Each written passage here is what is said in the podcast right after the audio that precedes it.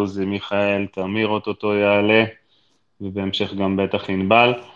שלב בתים באירופית אחרי שנה של היעדרות, אומנם זה קונפרנס ליג, אבל עדיין שלב בתים, משחק, אפשר להגיד מאכזב בשורה התחתונה של מכבי, בטח מחצית ראשונה, אנחנו נדבר על זה בהמשך, מחצית שנייה הייתה הרבה יותר טובה, אבל בשורה התחתונה, אני באופן אישי מאוד מאוד מאוכזב מהמשחק, זה יכול להיראות הרבה יותר טוב, אני רק מקווה שרובי קין והצוות uh, למדו משהו מהמשחק הזה, אנחנו כמובן נפרט uh, בהמשך. עוזי. עוזי דן. אני פה. Uh, ברור שמשחק מאכזב, בטח מחצית ראשונה זוועה, אבל אני רוצה להסתכל על חצי הכוס המלאה. קודם כל, עלינו לשלב הבא, נכון שאחרי ארבע אחת זה היה נראה ברור ומובן מאליו, אבל מישהו היום או אתמול בטוויטר, אני לא זוכר מי, כתב כאילו שיש לו הרגשה לא טובה, וב-1-0 דקה 12 אמרתי וואלה, זה עוד ייגמר, עוד נגיע להערכה ללא יודע מה. אז קודם כל עלינו, פעם תשיעית שאנחנו בשלב בתים אירופי, אה, חיפה שתהיה בליגה, בליגה האירופית אה, שמונה פעמים. זאת אומרת, גם בקטע הזה אנחנו מחזיקים בשיא, נכון שהיינו פחות מחיפה בצ'מפיונס, אבל צריך להגיד גם את זה. אה, אני לא פסימי ואני רואה את זה כי אני, אני ראיתי מאמן שיודע להגיב, זאת אומרת, שני חילופים כבר במחצית, ברור שהיה צריך, אה, שגם דן ביטון וגם ניר ביטון היו זוועה, רביבו לא היה טוב, תורג'מן אפשר להתווכח, אבל יש פה מאמן ש, שמגיב, זאת אומרת, ראינו מאמני, מאמנים שלנו אה, לפני שנה, לפני שנתיים, אפילו איביץ', שלוקח להם המון זמן אה, לשנות, אה, אז שני חילופים אה, במחצית, מבחינתי, אה, וחילופים נכונים, ששינו את המשחק, זאת אומרת, אה, אין מה להשוות את מכבי של החצי השני למכבי של החצי הראשון, אה, במשחק חוץ, באירופה, בכל זאת, אה, ואם באמת אה, הידיעות על הזרים שמגיעים... זר, זר אחד. זר, אני שומע על עוד אחד שבדרך, זאת אומרת שלא... אני לא מכסה את מכבי, אני לא מתיימר להיות uh, טוחמן או רז אמיר או, או זה, אבל, אבל uh, לפי הבנתי יש זר וחצי בדרך. אוקיי. Okay. Uh, uh, אז, אז uh, אז כמו שאמרת, משחק אה, מאכזב, אבל לא קרה שום נזק, זאת אומרת, עלינו לשלב הבא כמו שהיינו אמורים, הגענו לשלב בתים כמו שהיינו אמורים, uh, המאמן הוכיח ש, שיש לו כדורגל ויש לו uh, את היכולת להחליף, אז בסדר, אז שזה יהיה, שזה הדברים הכי גרועים שיקרו לנו uh, העונה. אחלה עוזי, תודה. קרמר, כן, אז קודם כל אנחנו... כל המחצית, כל המחצית חשבתי עליך, אתה יודע את זה, מחצית ראשונה, כן? לאחר ההתקדמות שלנו בבוקר. בדיוק, אני אמרתי בבוקר שהדבר שהכי מפחיד אותי זה גול מהיר של, אה, של הסלובנים, ושסתם ילחיץ אותנו ויהפוך את כל הדבר הזה ל-90 דקות של היסטריה. אז לא 90 דקות של היסטריה, 45 דקות של היסטריה, כי אין ספק שהמחצית השנייה באמת הייתה בסיפור אחר לגמרי. אני פחות מתרגש. אני חושב ש... זה המשחק לעשות בו ניסויים, אני חושב שרובי קין עשה ניסוי במחצית הראשונה, הוא נכשל באופן מוחץ, אבל זה, אבל בוא נגיד ככה, עדיף לעשות את הניסוי הזה עכשיו מאשר לעשות אותו מול רעננה, שם אחת-אחת זה אסון, בעוד שפה אחת-אחת זה תוצאה סבבה לגמרי, כי עלית לאירופה ולמי אכפת. עכשיו עוד פעם, אין תירוץ לאיך שנראינו במחצית הראשונה. בעיניי, נכון שהביטונים היו לא טובים, נכון שהיו עוד שחקנים שלא הגיעו, רביבו לא היה טוב היום, אה, אבל אה, אני חושב שזה על רובי, לגמרי על רובי. המערך לא היה נכון, לא ברור מה היו הציוותים, אני לא מבין עד עכשיו איך ההרכב הזה אמור היה, מה הם חשבו שיצא מזה. היה ניסיון, עכשיו עוד פעם, זה המשחק לעשות הניסיונות האלה, זה כאילו, זה בדיוק המשחק. היה 45 דקות, אני חושב שמה שהיה מאוד טוב בדבר הזה, זה שבמחצית היה ברור שזה לא עובד, היה תגובה מאוד מהירה, ואני חושב שראינו מיידית שהשינוי מגיע, וזה כאילו הדבר לקחת מפה. יהיו, כשאתה עושה ניסיונות, יהיו כאלה שיכשלו, זה היה כישלון מוחץ. יפה היה שידעו להתאושש מזה, ובאמת, מהרגע שנכנס הגול גם, זה הרג לגמרי את הסלובנים, וכאילו, המשחק נגמר וזה היה העברת זמן. זה באמת כבר לא משנה. בסוף במשחקים כאלה יש רק מטרה אחת, עברת, נצ... אה, עברת, עלית, יש לנו עכשיו בתים, היינו צריכים להגיע לפה. אין ספק שזה לא היה נעים לצפייה, לפחות לא במחצית הראשונה. תודה, עודד. אה, תמיר. אהלן, ערב טוב. אה, כן, אני מסכים עם עודד. אה, אנחנו באנו בשביל קודם כל ולפני הכל לעבור שלב ולהגיע לשלב הבתים.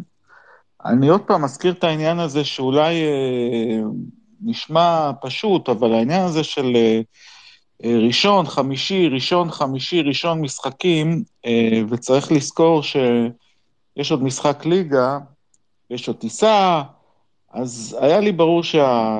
שההרכב שיפתח זה לא יהיה הרכב רגיל, שינסו לשחק טיפה אה, פחות התקפי, להרגיע את המשחק, זה לא עבד. ועוד פעם, אפשר, כמו שעוזי אמר, להפיל את זה על הביטונים, אבל זה לא רק הם, חוץ מיוריס, אה, לא חושב שמישהו בכלל אה, התקרב בכלל לרמה שלו, כולם היו גרועים, ומכבי נראו על הפנים.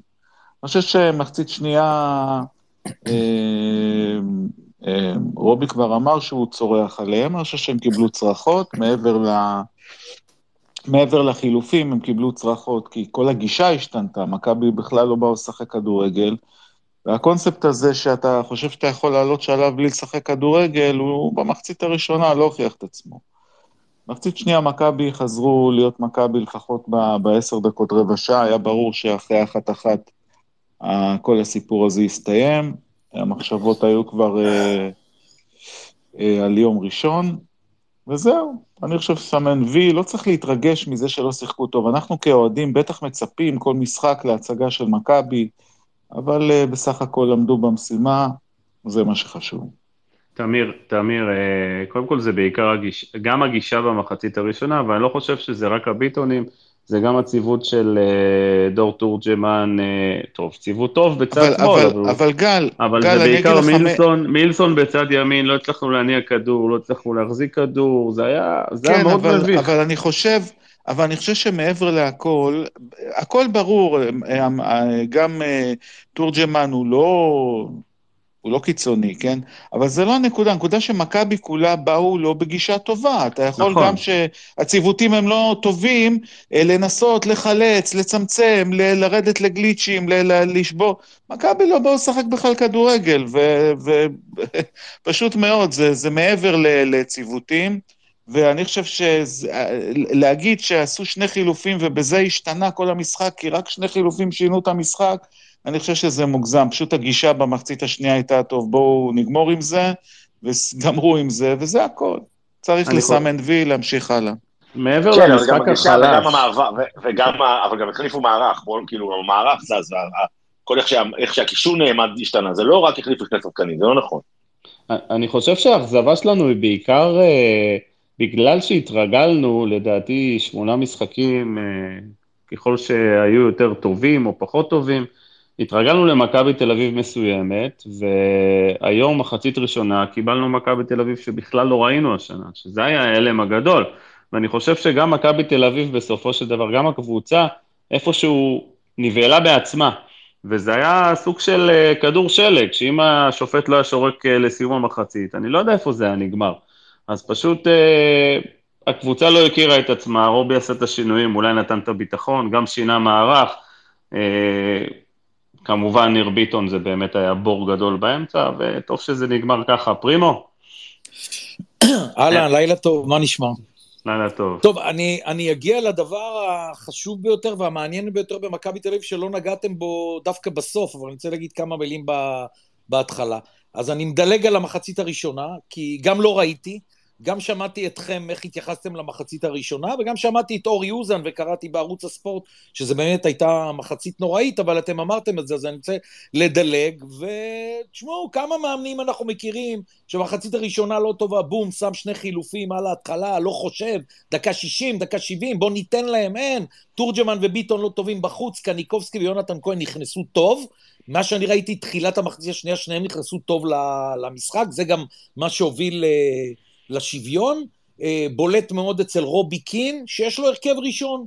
אין לו רוטציה כל שלושה ימים, אשדוד, חדרה, כלום, משחקים הרכב, ולרובי קין נכון לרגע זה יש לו עשרה שחקני הרכב, האחד עשר יהיה או אה, תורג'מן או יונתן כהן, וראינו את זה היום, וכמובן שאם דור פרץ אה, יהיה בריא ביום ראשון, אז פרט לדור, לדור תורג'מן או יונתן כהן, שאנחנו לא יודעים מי יפתח, אז יש עשרה שחקנים בטוחים בהרכב, טוב, לא טוב, אבל זה כמובן, זה המאמן, הוא, הוא יודע אם uh, צריך לתת להם כל שלושה ימים לשחק, זה שלו, כי מכבי תל אביב עכשיו בחודשים הקרובים, כל הזמן תשחק חמישי ראשון, חמישי שני, חמישי ראשון, חמישי שני, וזה, וזה שלו uh, לקבוע את ההרכב הראשון. לגבי חיזוק לקבוצה, אז uh, כולנו מבינים שאם יגיע מספר 10, אז זה כמובן יהיה על חשבון דן ביטון, לא מספיק טוב, ואם יגיע עוד קיצוני, אז כמובן שזה יהיה על חשבון גם תורג'מן, גם יונתן כהן, גם אושר דוידה, אם צריכים לפגוע, ב, אם הם יפגעו בקיצוני ממש ממש טוב, יש שם ממש עיבוי יותר מדי גדול של אה, שחקנים, ואז בוודאות אילון אלמוג אה, יעזוב את הקבוצה, ושמעתי את הדבר הכי חשוב שלא נגעתם בו, לסוף. הכותרת שלי, אין הגנה טובה למכבי תל אביב. חבר'ה, אין הגנה טובה. ואני רוצה לפתוח ולהגיד ככה. רגע. פרימו, שנייה, אני רוצה לדחוף, אתה, אתה רוצה להתייחס לזה או לא? אני הייתי קורא לזה משחק הגנה. רק שנייה, אני אומר ההגנה, לא משחק ההגנה, אומר ההגנה, לכל רביעיית ההגנה, היא לא מספיק טובה, ואני, ואני אנמק. קודם כל, מסון הגיע מגן ימני, אתה יודע, אני ראי, ראיתי למשל את סונגרן שנה שעברה, אז על ההתחלה אמרתי, וואלה, אחלה מגן. לא יכול להגיד את זה על מסון. אולי הוא משדרג קצת את ג'רלדש, אולי צריך לתת לו זמן, לא רואה את מסון כזה, מגן, מגן כזה גדול שמכבי תל אביב uh, הביאה. אה, רוי רביבו צעיר, בוא נחכה, בוא נראה, לאט לאט שיתקדם, אני רואה קצת בעיות בהגנה אצלו. אני חושב שהבעיה הכי גדולה היא הירידה ברמה של אה, סבורית, חברים. זה לא סבורית שאתם מכירים ולא שאני מכיר. הדריק סבורית בירידה גדולה. כשאני נוגע בכל רביעיית ההגנה, ולוקאסן אני פעם סומך עליו, פעם לא, אני חושב שמכבי תל אביב במשחק היום שיחקה נגד צליה, וזה לא קבוצה ברמה גבוהה, יש כמה קבוצות בליגת העל בישראל שלא פחות טובות ממנה, אז uh, אנחנו לא מדברים על משחקים מול מכבי חיפה ונגד באר שבע, משחקים מהסוג הזה, מכבי תל אביב יכולה uh, לאבד uh, נקודות נגד קבוצות uh, בינוניות גם, וזה במיוחד בגלל ההגנה, כי ערן זהבי שווה בליגת העל תמיד גולים. אבל uh, להגיד לכם שאני נעול על ההגנה של מכבי תל אביב, אני רואה כבר כמה משחקים, אני רואה כבר כמה טעויות, אני לא מדבר על משחק טוב של שחקן כזה או אחר, כי שחקני כדורגל, יש להם משחק אחד יותר טוב, משחק אחד פחות טוב, כשאני לוקח את הרביעייה מתחילת הדרך, אני חושב שמכבי תל אביב, ההגנה שלה נחלשה, וזה בראש ובראשונה ההיחלשות של uh, סבורית.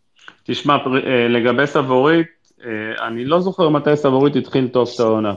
בדרך כלל הוא מתחיל אה, ככה להיכנס לכושר אה, מחודש אוקטובר. לא שאני מתרס או משהו כזה, אני מסכים איתך לחלוטין, פריבוס, עבורית לא, לא, לא במיטבו. אה, לוקאסן, עוד פעם, אחרי אשדוד אמרתי שבאמת הוא הצליח לתת משחק טוב, אבל שוב פעם ראינו שהוא לא משדרג את הבלם שלידו, וגם לא נותן שקט להגנה, עם כל הכבוד, כן, יש לו מהירות והכל, אבל... שקט להגנה לוקאסן לא נותן, יכול להיות שזה יגיע עם הזמן, כרגע זה לא ככה. אה, רביבו, אני מסכים לחלוטין, יש לו, יש לו הרבה ליקויים במשחק ההגנה, ומסון, כן, אולי צריך להיכנס לכושר עוד, עוד טיפה. אז נגעת בכל הרביעייה, שבכל הרביעייה אני, לא... אין, כן, אין בינינו חילוקי דעות, כן. אתה אומר משחק הגנה, הרי תשמע, אם אה, ון עומרם ודור פרץ יהיו במשחק טוב למשל, אז הם בהחלט יכולים לעזור להגנה, זה משחק ההגנה, וכמובן הקיצונים נכון. שיורדים. אני התייחסתי לרביעייה, אני אומר, הרביעייה הזאת היום לא מספיק טובה. הרביעייה הזאת תנצח את הפועל חדרה ביום ראשון, אין לי ספק בכלל, אבל אנחנו מתקדמים הלאה, לאירופה, לזכייה באליפות, להתמודדות עם מכבי חיפה ואולי עם באר שבע, אני רואה פה בעייתיות, כי באמת, אה, כל הרביעייה, כאילו לוקאסן, אז אני פעם סומך עליו, פעם לא, זה כבר לא טוב. מסון אמרתי, אני לא נעול עליו. רביבו עוד צריך להשתפר, והכי חשוב סבורית, הבלם הכי טוב שלכם, שהוא בירידה. נגעתי פה בכל הרביעייה, אה, גל. ולכן אמרתי, אני אשמור לסוף, לדעתי, את הבעיה העיקרית של מכבי תל אביב. אה, טוב, תודה, פרימו. אה, טל. פרימו הרים לי להנחתה האמת. האמת לא תכננתי לדבר על משחק ההגנה, לא, לא בשלב הראשוני, כי תכננתי להתחיל לדבר על הדברים הטובים, אבל פרימו הרים לי להנחתה, כי אני די מסתייג ממה שהוא אומר. לא שאני לא מסכים שחלק מהשחקנים לא מספיק טובים, או צריכים להשתפר, אבל אני דווקא כן מסכים עם מה שאתה אמרת, גל. אני חושב שזה משחק ההגנה, ואני אגיד לכם למה זה משחק ההגנה. כי קודם כל ראינו שיש לנו שוער אה, חדש בשער, שוער שמשחק שני רצוף עולה, ואנחנו עדיין רואים בעיות תיאום איתו, עם ה... עם החלק האחורי, בין אם זה במסירות, בין אם זה בסגירות, בין אם זה ביציאה לאיזה כדור שלוקחים לו מהחמש, מזל שנקחו מעל השער, שהוא לא הבין אם הוא הבלמים קופצים. זאת אומרת, יש שם בעיות תיאום. וחלק מהבעיות תיאום האלה גם נובעות מבין השחקנים, מבין החוליה האחורית, ובין הקישור, שמי ששם לב, בטח בגול הראשון, שזה צעק מאוד, אה, שלא יורד מספיק מהר אחורה ולא עוזר מספיק ל- לרביעיית הגנה הזאת, כשהולכת טיפה לאיבוד. עכשיו, אם אנחנו נתייחס לשחקנים ספציפיים, סאבו הוא לא בלם טבעי, הוא לא גדל להיות בלם טבעי, הוא עושה מה שהוא יכול בעמדה הזאת כאשר הוא משחק יותר קדימה והוא מניע את הכדור, ואלה היתרונות הגדולות של סאבו. לוקאסן זה לוקאסן, אנחנו יודעים בדיוק מה נקבל, אה, ולגבי רביבו ו- אה, אה, ומסון, נכון, מסון עדיין לא נראה מבטיח, הוא גם נראה טיפה במשקל יתר, נקרא לזה ככה, לעומת מה שאני מצפה, או, או מצופה משחקן כדורגל, ורביבו צעיר, ילד שעדיין אה, אה, לומד, עדיין יעשה טעויות, סטייל חלילי אתמול בגול השלישי שחיפה קיבלו, זה חלק משכר לימוד שאנחנו אה, נצטרך לדעת לספוג, יכול להיות שדוד זאד היה צריך לעלות היום, אבל זה חלק משכר הלימוד, ורובי מתעקש ורוצה להמשיך עם, עם השחקנים האלה כדי לתת להם לצבור את התיאום, הניסיון, ולהרוויח אותם אולי בהמשך העונה, או אפילו עוד חודש-חודשיים, ואני חושב שאם אנחנו נשפר את זה כמכלול, אז ההגנה הזאת תראה הרבה יותר טוב. אין ספק שמול קבוצות הרבה יותר אה, נחותות אנחנו נראה, נראה ולא נרגיש את הדברים האלה, אבל אני מאמין שגם מול קבוצות טובות יותר בהמשך, אה, אנחנו נרגיש את זה. עכשיו, אם אני מתייחס למשחק, קודם כל לשורה התחתונה, חבר'ה, עלינו שלב, אנחנו בבתים של הקונפרנס. אנחנו הולכים לשחק חמישי וראשון, חמישי ושני, כמו שאמרתם, המועדון מכניס לא מעט כסף, ואני מאמין, אנחנו עם ארבעה זרים כרגע, שינחתו פה שניים. אני לא רואה את הזר השני נמשך או מותחים אותו עד ה-20 לספטמבר, לא רואה את הדבר הזה קורה, חייבים לנחות פה שני זרים עד ה-4 לספטמבר. הרבה יותר קל לעשות את המהלך הזה כרגע, כשאנחנו יודעים בדיוק מה הלו"ז שלנו קדימה. אז uh, זרים פלוס דוידה, uh, תצפו לסוף שבוע מעניין, לא מידיעה, מהרגשה, כי אין, אין סיטואציה שלא, אני לא מאמין שלא. דיברתם על רובי שמגיב מצוין, אז באמת רובי הגיב מצוין עם גבי ויונתן שעלו ושיחקו מצוין. אני התלהבתי משחקן אחר שעלה, וזה לא בפעם הראשונה, מעידו שחר. אני חושב שעידו צריך לקבל הרבה יותר קרדיט. אה, עידו רעב, עידו מכביסט, עידו עושה, עוזר המון באמצע, ועידו נלחם ושורף שטחים מפה עד הודעה חדשה. היה חייב לדעתי לפתוח במקום אה, ניר ביטון באמצע. רובי החליט אחרת, אני, אני חושב שמגיע לו טיפה יותר קרדיט. אה, ולגבי כל מה שהוספתם שם, תראו, הסגל שלנו טיפה קצר, אנחנו מרגישים את זה באיכויות שלו, שחקנים טיפה חולים, שחקנים אה, לא נמצאים, בשלב יותר מאוחר זה יהיה מורחקים. אני מאמין שביחד עם דוידה, ביחד עם שני שחקנים זרים שיגיעו, אנחנו נראה הרבה יותר טוב. תורג'מן לצורך העניין הוכיח הערב למה חשוב יותר להכניס אה, ילדים צעירים בגיל שלו בצורה הדרגתית, ולא, אתם יודעים, עם כל הביקורות ישר לדחוף אותם להרכב, ולא להבין לפעמים למה הם לא מצליחים, לא פוגעים או לא מביאים את מה שהם צריכים. יש פוטנציאל, אה, הצעירים של מכבי יצטרכו לקבל עוד דקות. אני סומך על רובי ועל הצוות שיעשו את זה נכון, למרות ההפתעה הלא ברורה הזאת עם ניר ביטון היום באמצע. אני מאמין שעם הזמן ילמדו, והמשחק הזה שימש כעוד אימון ועוד אה, שלב בדרך ללמוד, להבין את מכבי ולייצב אותה למועדון כמה שיותר טוב בהמשך העונה. תודה, טל, לויט, מיכאל.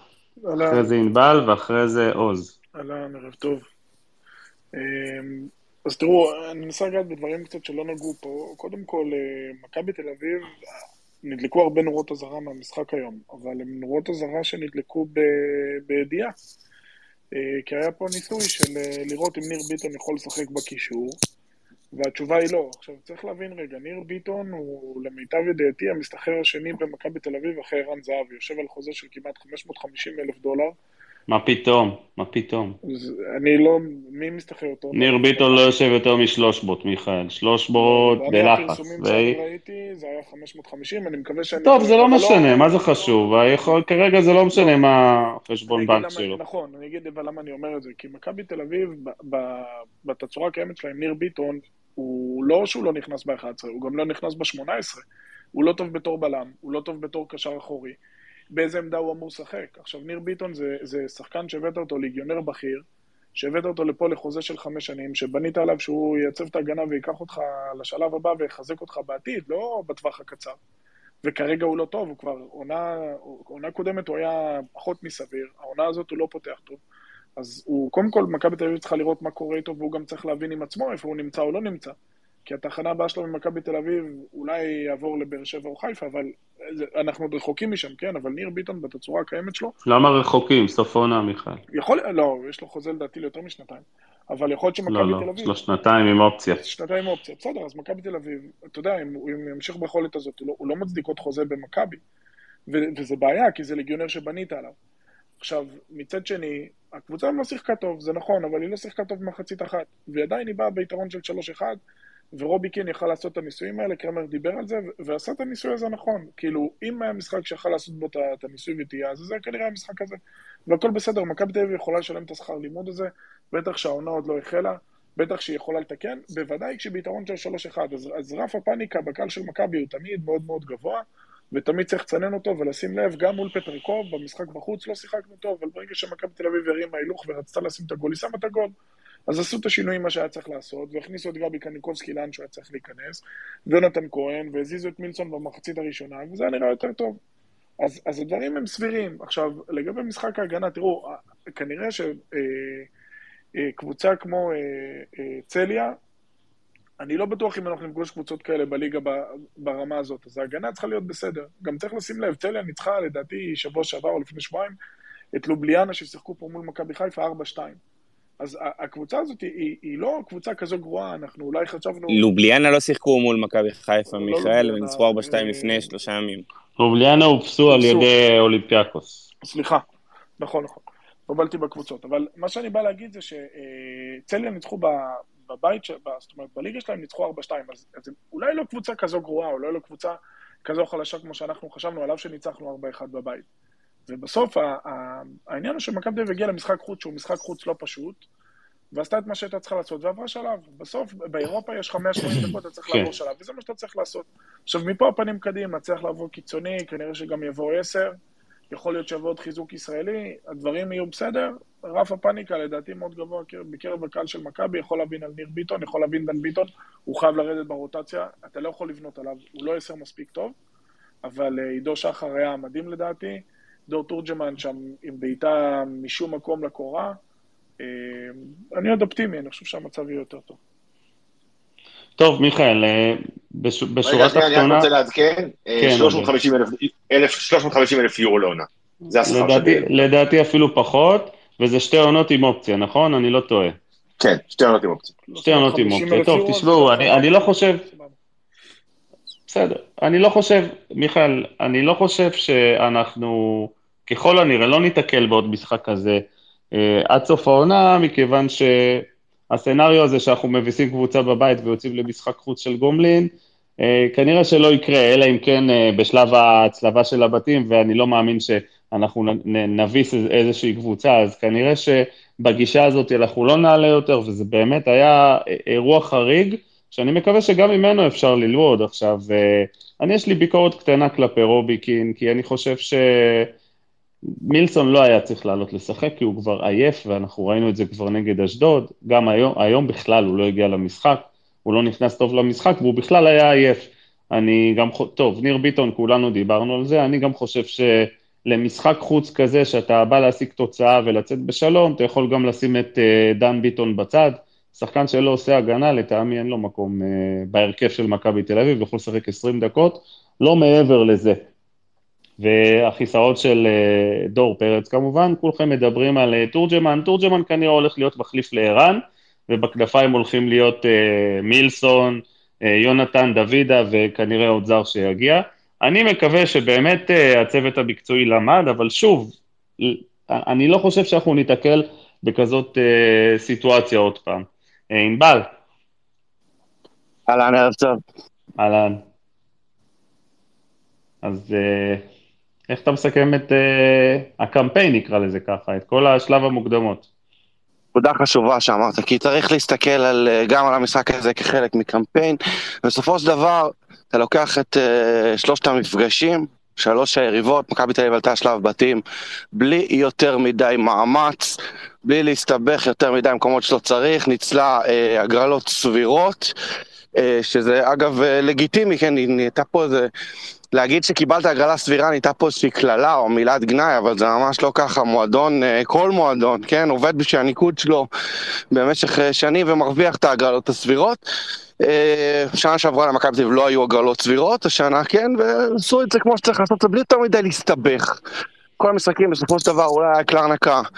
המשחק קצת יותר דרמטי, אבל אה, רוב המשחקים הוכרעו כבר במשחק הראשון, ואני גם לא הרגשתי, גם במחצית הראשונה גרועה של מכבי תל אביב היום, גם ב-0-1, גם כשהשני היה באוויר, שיש איזושהי סכנה על העלייה לשלב בתים. לפחות ככה זה היה נראה מהעין האובייקטיבית שלי.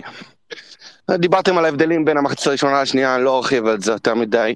אני חושב שבסופו של דבר אה, המטרה הושגה, המטרה הראשונה הושגה. כי שלב בתים זו בעיניי לא המטרה היחידה של מכבי תל אביב בקמפיין האירופי העונה. קבוצה כמו מכבי תל אביב צריכה לכוון אה, לעלות מהבית, נראה את ההגרלה כמובן מחר, אבל אה, לעשות קמפיין כמה שיותר ארוך במפעל כמו הקונפרנס ליג, שתפור על אה, מועדון בסדר גודל כמו מכבי תל אביב, אז לא, לא נסחף ונגיד אה, זכייה או חצי גמר, אבל כן אה, לעלות שלב, כן לכוון לאיזה הישג מרשים, הישג שקבוצה ישראלית לא עשתה בשנים האחרונות, בוא נגיד ככה, ואני חושב שזה משהו שהוא אה, חלק מההתקדמות האירופאית של, אה, האירופאית של אה, מועדונים בסדר גודל של מכבי תל אביב, מועדונים ישראלים. אה, אני מסכים מה שפרימו אמר לגבי אה, ההיררכיה הברורה שיש בסגל של רובי קין, אני חשבתי אישית שהוא היה יכול להשתמש ביותר שחקנים עד עכשיו. די ברור שהוא עדיין לומד את הקבוצה, אה, וזה בסדר, זה לגיטימי מן הסתם, זה מאמן חדש. אה, הוא לומד מי יכול לתת לו מה, אבל כן אפשר להיות uh, מעודדים מהקטע הזה ששחקנים עולים ומנסים, ומיד מוכיחים את עצמם ומנסים להשפיע כי הם מבינים שיש פייט אדיר על כל דקה, במיוחד כשיגיעו עוד שחקנים לפני הדדליין לרישום בשלב הבתים ה-4 בספטמבר uh, בחצות, uh, אחד בלילה בין הרביעי לחמישי בספטמבר. אז זה גם קניקובסקי שעלה ונתן את השער שלו שהוא לא לגמרי היה בתמונת הדקות משחק אה, במחזורים האחרונים, במשחקים האחרונים, וגם עידו שחר שנכנס מצוין למשחק. אה, אחד כמו עידו שחר בקלות יכול היה להגיד, אוקיי, אני לא צריך את התחרות הזאת, אני מוותר על הארכת חוזה, אני הולך למכבי נתניה שמוכן לשים על כל סכום, והולך להיות שם אה, שחקן הרכב. לא, הוא לא הוכיח והוא רע מה הוא מסוגל לתת, ואני בסופו של דבר חושב שההופעות האלה של המחליפים גם יגרמו לרובי קין לשנות את סדר החילופים שלו, את uh, מה שהוא חושב על, על כל שחקן. Uh, לגבי משחק ההגנה שדיברתם, אני לא יודע אם זה רק עניין של תיאום. להיכנס, ל, להיכנס לכפפות של דניאל פרץ, זה, זאת משימה לא פשוטה, במיוחד שמשפטי הוא שוער חדש של מכבי תל אביב, ולא מכיר את השחקנים עדיין מספיק טוב, אבל אני קיבלתי היום את הרושם ש... אה, בוא נגיד שחקני הגנה או כל מי ששיחק עדיין, אה, עדיין בוחן את משפטי. אבל לא כולם סומכים עליו במאה אחוז, היו כמה טעויות. זה כרגע לא זה, אבל מוקדם מדי בשביל להגיד, אה, אוקיי, יש פה איזושהי בעיה חד משמעית. אבל אני חושב שיש downgrade בעמדת השוער, וזה משהו שמכבי תל צריך לתת עליו את הדעת, ואני לא אתפלא אם בסופו של דבר גם uh, היוצרות יתהפכו וזה יחזור לצן. אני, אני רוצה להגיד שכל השלוש הקבוצות שמועמדות uh, לאליפות, כל השלוש נפגעו בצורה קשה מאוד בעמדת השוער. כולם עומדים להם בשער היום שוערים פחות טובים מהשוערים הקודמים. אני רוצה להמשיך את מנור להגיד משפט על uh, משפטי. Uh, לדעתי בשבועות הקרובים רוי, uh, רובי קין יקבל את ההחלטה מי שוער ראשון. זה אין הבדלים גדולים הרי בין טננבוים למשפטי, אבל עוד מעט הוא, אחד מהם יקבל את מדד השוער הראשון ל, ל, לתקופה ותהיה היררכיה ברורה. ובגלל, אני אומר, למה אני אומר שאין הבדלים גדולים, וזה יכול להיות בהחלט משפטי? כי ראיתי היום את הדקה האחרונה. יכול לפגוע בו, הדקה האחרונה יכולה לפגוע בו, שהוא יצא מהשער בביטחון, ונתן פס וחלוץ של uh, צליה, שכמעט עשה 2-1. זה יכול היה לפגוע בו, אולי אפילו היציאה הזאת עם הפס הזה גם יכולה לפגוע בו, אבל לגבי עמדת השוער, טננבוים או משפטי, בכל מקרה, איך שלא נסתכל על זה, זה פחות טוב מדניאל פרץ, ואני רוצה לעבור ברשותך, גל, רק לעוד שחקן אחד, במשפט אחד להגיד עליו, כי אה, דיברו איתי לא מעט בשבוע האחרון, לגבי אושר אה, דוד. עכשיו, בכלל בלי קשר לזה שהוא בא למכבי תל אביב, הייתי אומר את המשפט שאני הולך להגיד עכשיו, גם אם הוא היה בא למכבי נתניה. אני אשמח לשמוע את הדעות שלכם, חלקכם יכולים לא להסכים איתי. אני אף פעם לא החזקתי מדוד השחקן גדול. דוד אפילו איבד את מקומו בסגל הנבחרת הצעירה בנסיעה האחרונה של גיא לוזון, הוא לא הוזמן. אני חושב שזה שחקן שיש לו את הנתונים, הוא מהיר, הוא פיזי, אני לא אוהב שחקנים שצריכים לבעוט מוסרים, שצריכים למסור בועטים. זה דוידה, להגיד שהוא יביא למכבי תל אביב הרבה מספרים. והשנאה שלי, שמביאים שחקן מבלגיה, אה, אה, שהוא היה על המדף אחרי הרבה זמן, ומכבי מחליטה ללכת עליו, אומרים לי זה עיבוי הסגל. אין דבר כזה עיבוי הסגל. דוידה יכול להיכנס למשחק עונה לחצי שעה, חצי שעה נגד מכבי חיפה, ויצטרך להביא את התוצרת ואת המספרים. אז, אז איך, סגל? איך אתה קורא לזה, פרימו? איך, איך אתה היית קורא לזה? תשמע, מה זה, מה זה עיבוי סגל? מה, מספיק שפעם אחת רובי קין... בסדר, אתה יודע, אנשים, אנשים, אנשים אוהבים להשתמש במונחים של עיבוי סגל, של חיזוק, של... בסדר, אבל, אבל בשורה התחתונה, אה, אושר דוד הגיע למכבי תל אביב לא על תקן של שחקן מוביל, הוא כן יכול להיות כזה, אבל הוא הגיע אה, להצטרף לסגל הרחב, בכוונה אני לא מתכוון, אה, התכוונתי להשתמש במילה לחזק, בסדר? שלא תכעס, אבל בסופו של דבר אושר דוידה הוא שחקן צעיר, נדמה לי בן 22 פריבו, נכון, יכול להיות קבלת החלטות, אבל אלה דברים שאתה כן יכול לשפר. בסוגריים, לא אצל אילון אלמוג לצורך העניין, אבל אושר דוידה זה עדיין איזה חומר שאפשר לעצב אותו, ועל ידי אולי צוות אימון טוב וקבוצה טובה, הוא כן יכול לתת תופעות טובות ולהרים את עצמו. אני, אני לא פוסל אף מילה שאמרת. הוא ייתן עונה טובה במכבי תל אביב, וכל מה שאמרתי עליו, שהוא לא, לפעמים לא חושב, ושהוא צריך לבעוט ומוסר, ושהוא צריך למסור ובועט, זה בהחלט יכול אה, להיות. אתה יודע מה זה עיבוי סגל? אתה יודע, מכבי תל אביב קבוצה שצריכה להשתמש בכל השחקנים שלה. אני מסתכל למשל על מכבי חיפה, היא הביאה את גוני נאור. תשמע, זה, זה מצחיק אותי שכל הקשרים של מכבי חיפה ממש חלשים, והוא לא מקבל ד... דקה. הוא גם לא יקבל, משה. הוא גם לא יקבל. רגע, אבל פרימו, אני רוצה לחזור נכון, זאת אומרת, זה עיבוי סגל, הביאו מישהו מהפועל ירושלים, אין לי מושג אפילו כמה שהביאו להפועל ירושלים. משה אושר דוידה הגיע למכבי... אחד-אחד, טל. כן, כן, שנייה רק, מיכאל, אני אשלים את זה. אושר דוידה הגיע למכבי בתכנון הכללי, אה, לראות משהו 1,000-1,500 דקות העונה הזאת, במסגרת המפעלים וכל מה שיהיה. כן, הוא הגיע להיות שחקן כנף נוסף, למידה והוא יוכיח פציעות, תוספות, אה, יכול להיות שיש משחקים גם שהוא יפתח, הכל טוב ויפה. כדי לקחת את המקום שלו בהרכב, כמו שאתה אומר, כי יכול להיות שהוא לא השחקן המושלם, ואם הוא היה השחקן המושלם, הוא כנראה היה נשאר בחו"ל, הוא יצטרך להוכיח, היתרון שיש לו פה צוות זר ברמה מאוד גבוהה, שהוא יכול לקבל מהם, לשאוב מהם ולהתפתח להיות שחקן יותר טוב. אם הוא יוכיח שמקומו בהרכב, אז כנראה שהוא זה יבוא על חשבון שחקנים אחרים והוא יקבל יותר דקות. אם לא, אין פה עניין של עיבוי סגל. יש 20-21 שחקנים שנרשמים לכל משחק, בדיוק. הוא יהיה ביניהם, אין מה לעשות. בדיוק. לא כולם יכולים לפתוח. לא, אני, למה נתתי את הדוגמה של גוני? גוני, גם אם מכבי חיפה תהיה חלשה, כולם, כולם, הוא לא ישחק דקה. דוד הזה לא נכון, עם הקיצוני הימני, גם אם הוא יהיה זר. יהיה במכבי תל אביב, יהיה לא טוב, דוידה יכול להיכנס למשחק גדול נגד מכבי חיפה ובאר שבע לחצי שעה. אתה לא יכול להגיד על שחקן כזה שהוא העיבוי, הוא, הוא, הוא חייב רגע, להיות טוב. פרימו, שנייה, זה אבל, מה שאני אומר. יש, יש נקודה לדעתי שאתה קצת מפספס בהבחנה של דוידה, ואני לא, לא אומר שאתה טועה לחלוטין, כן?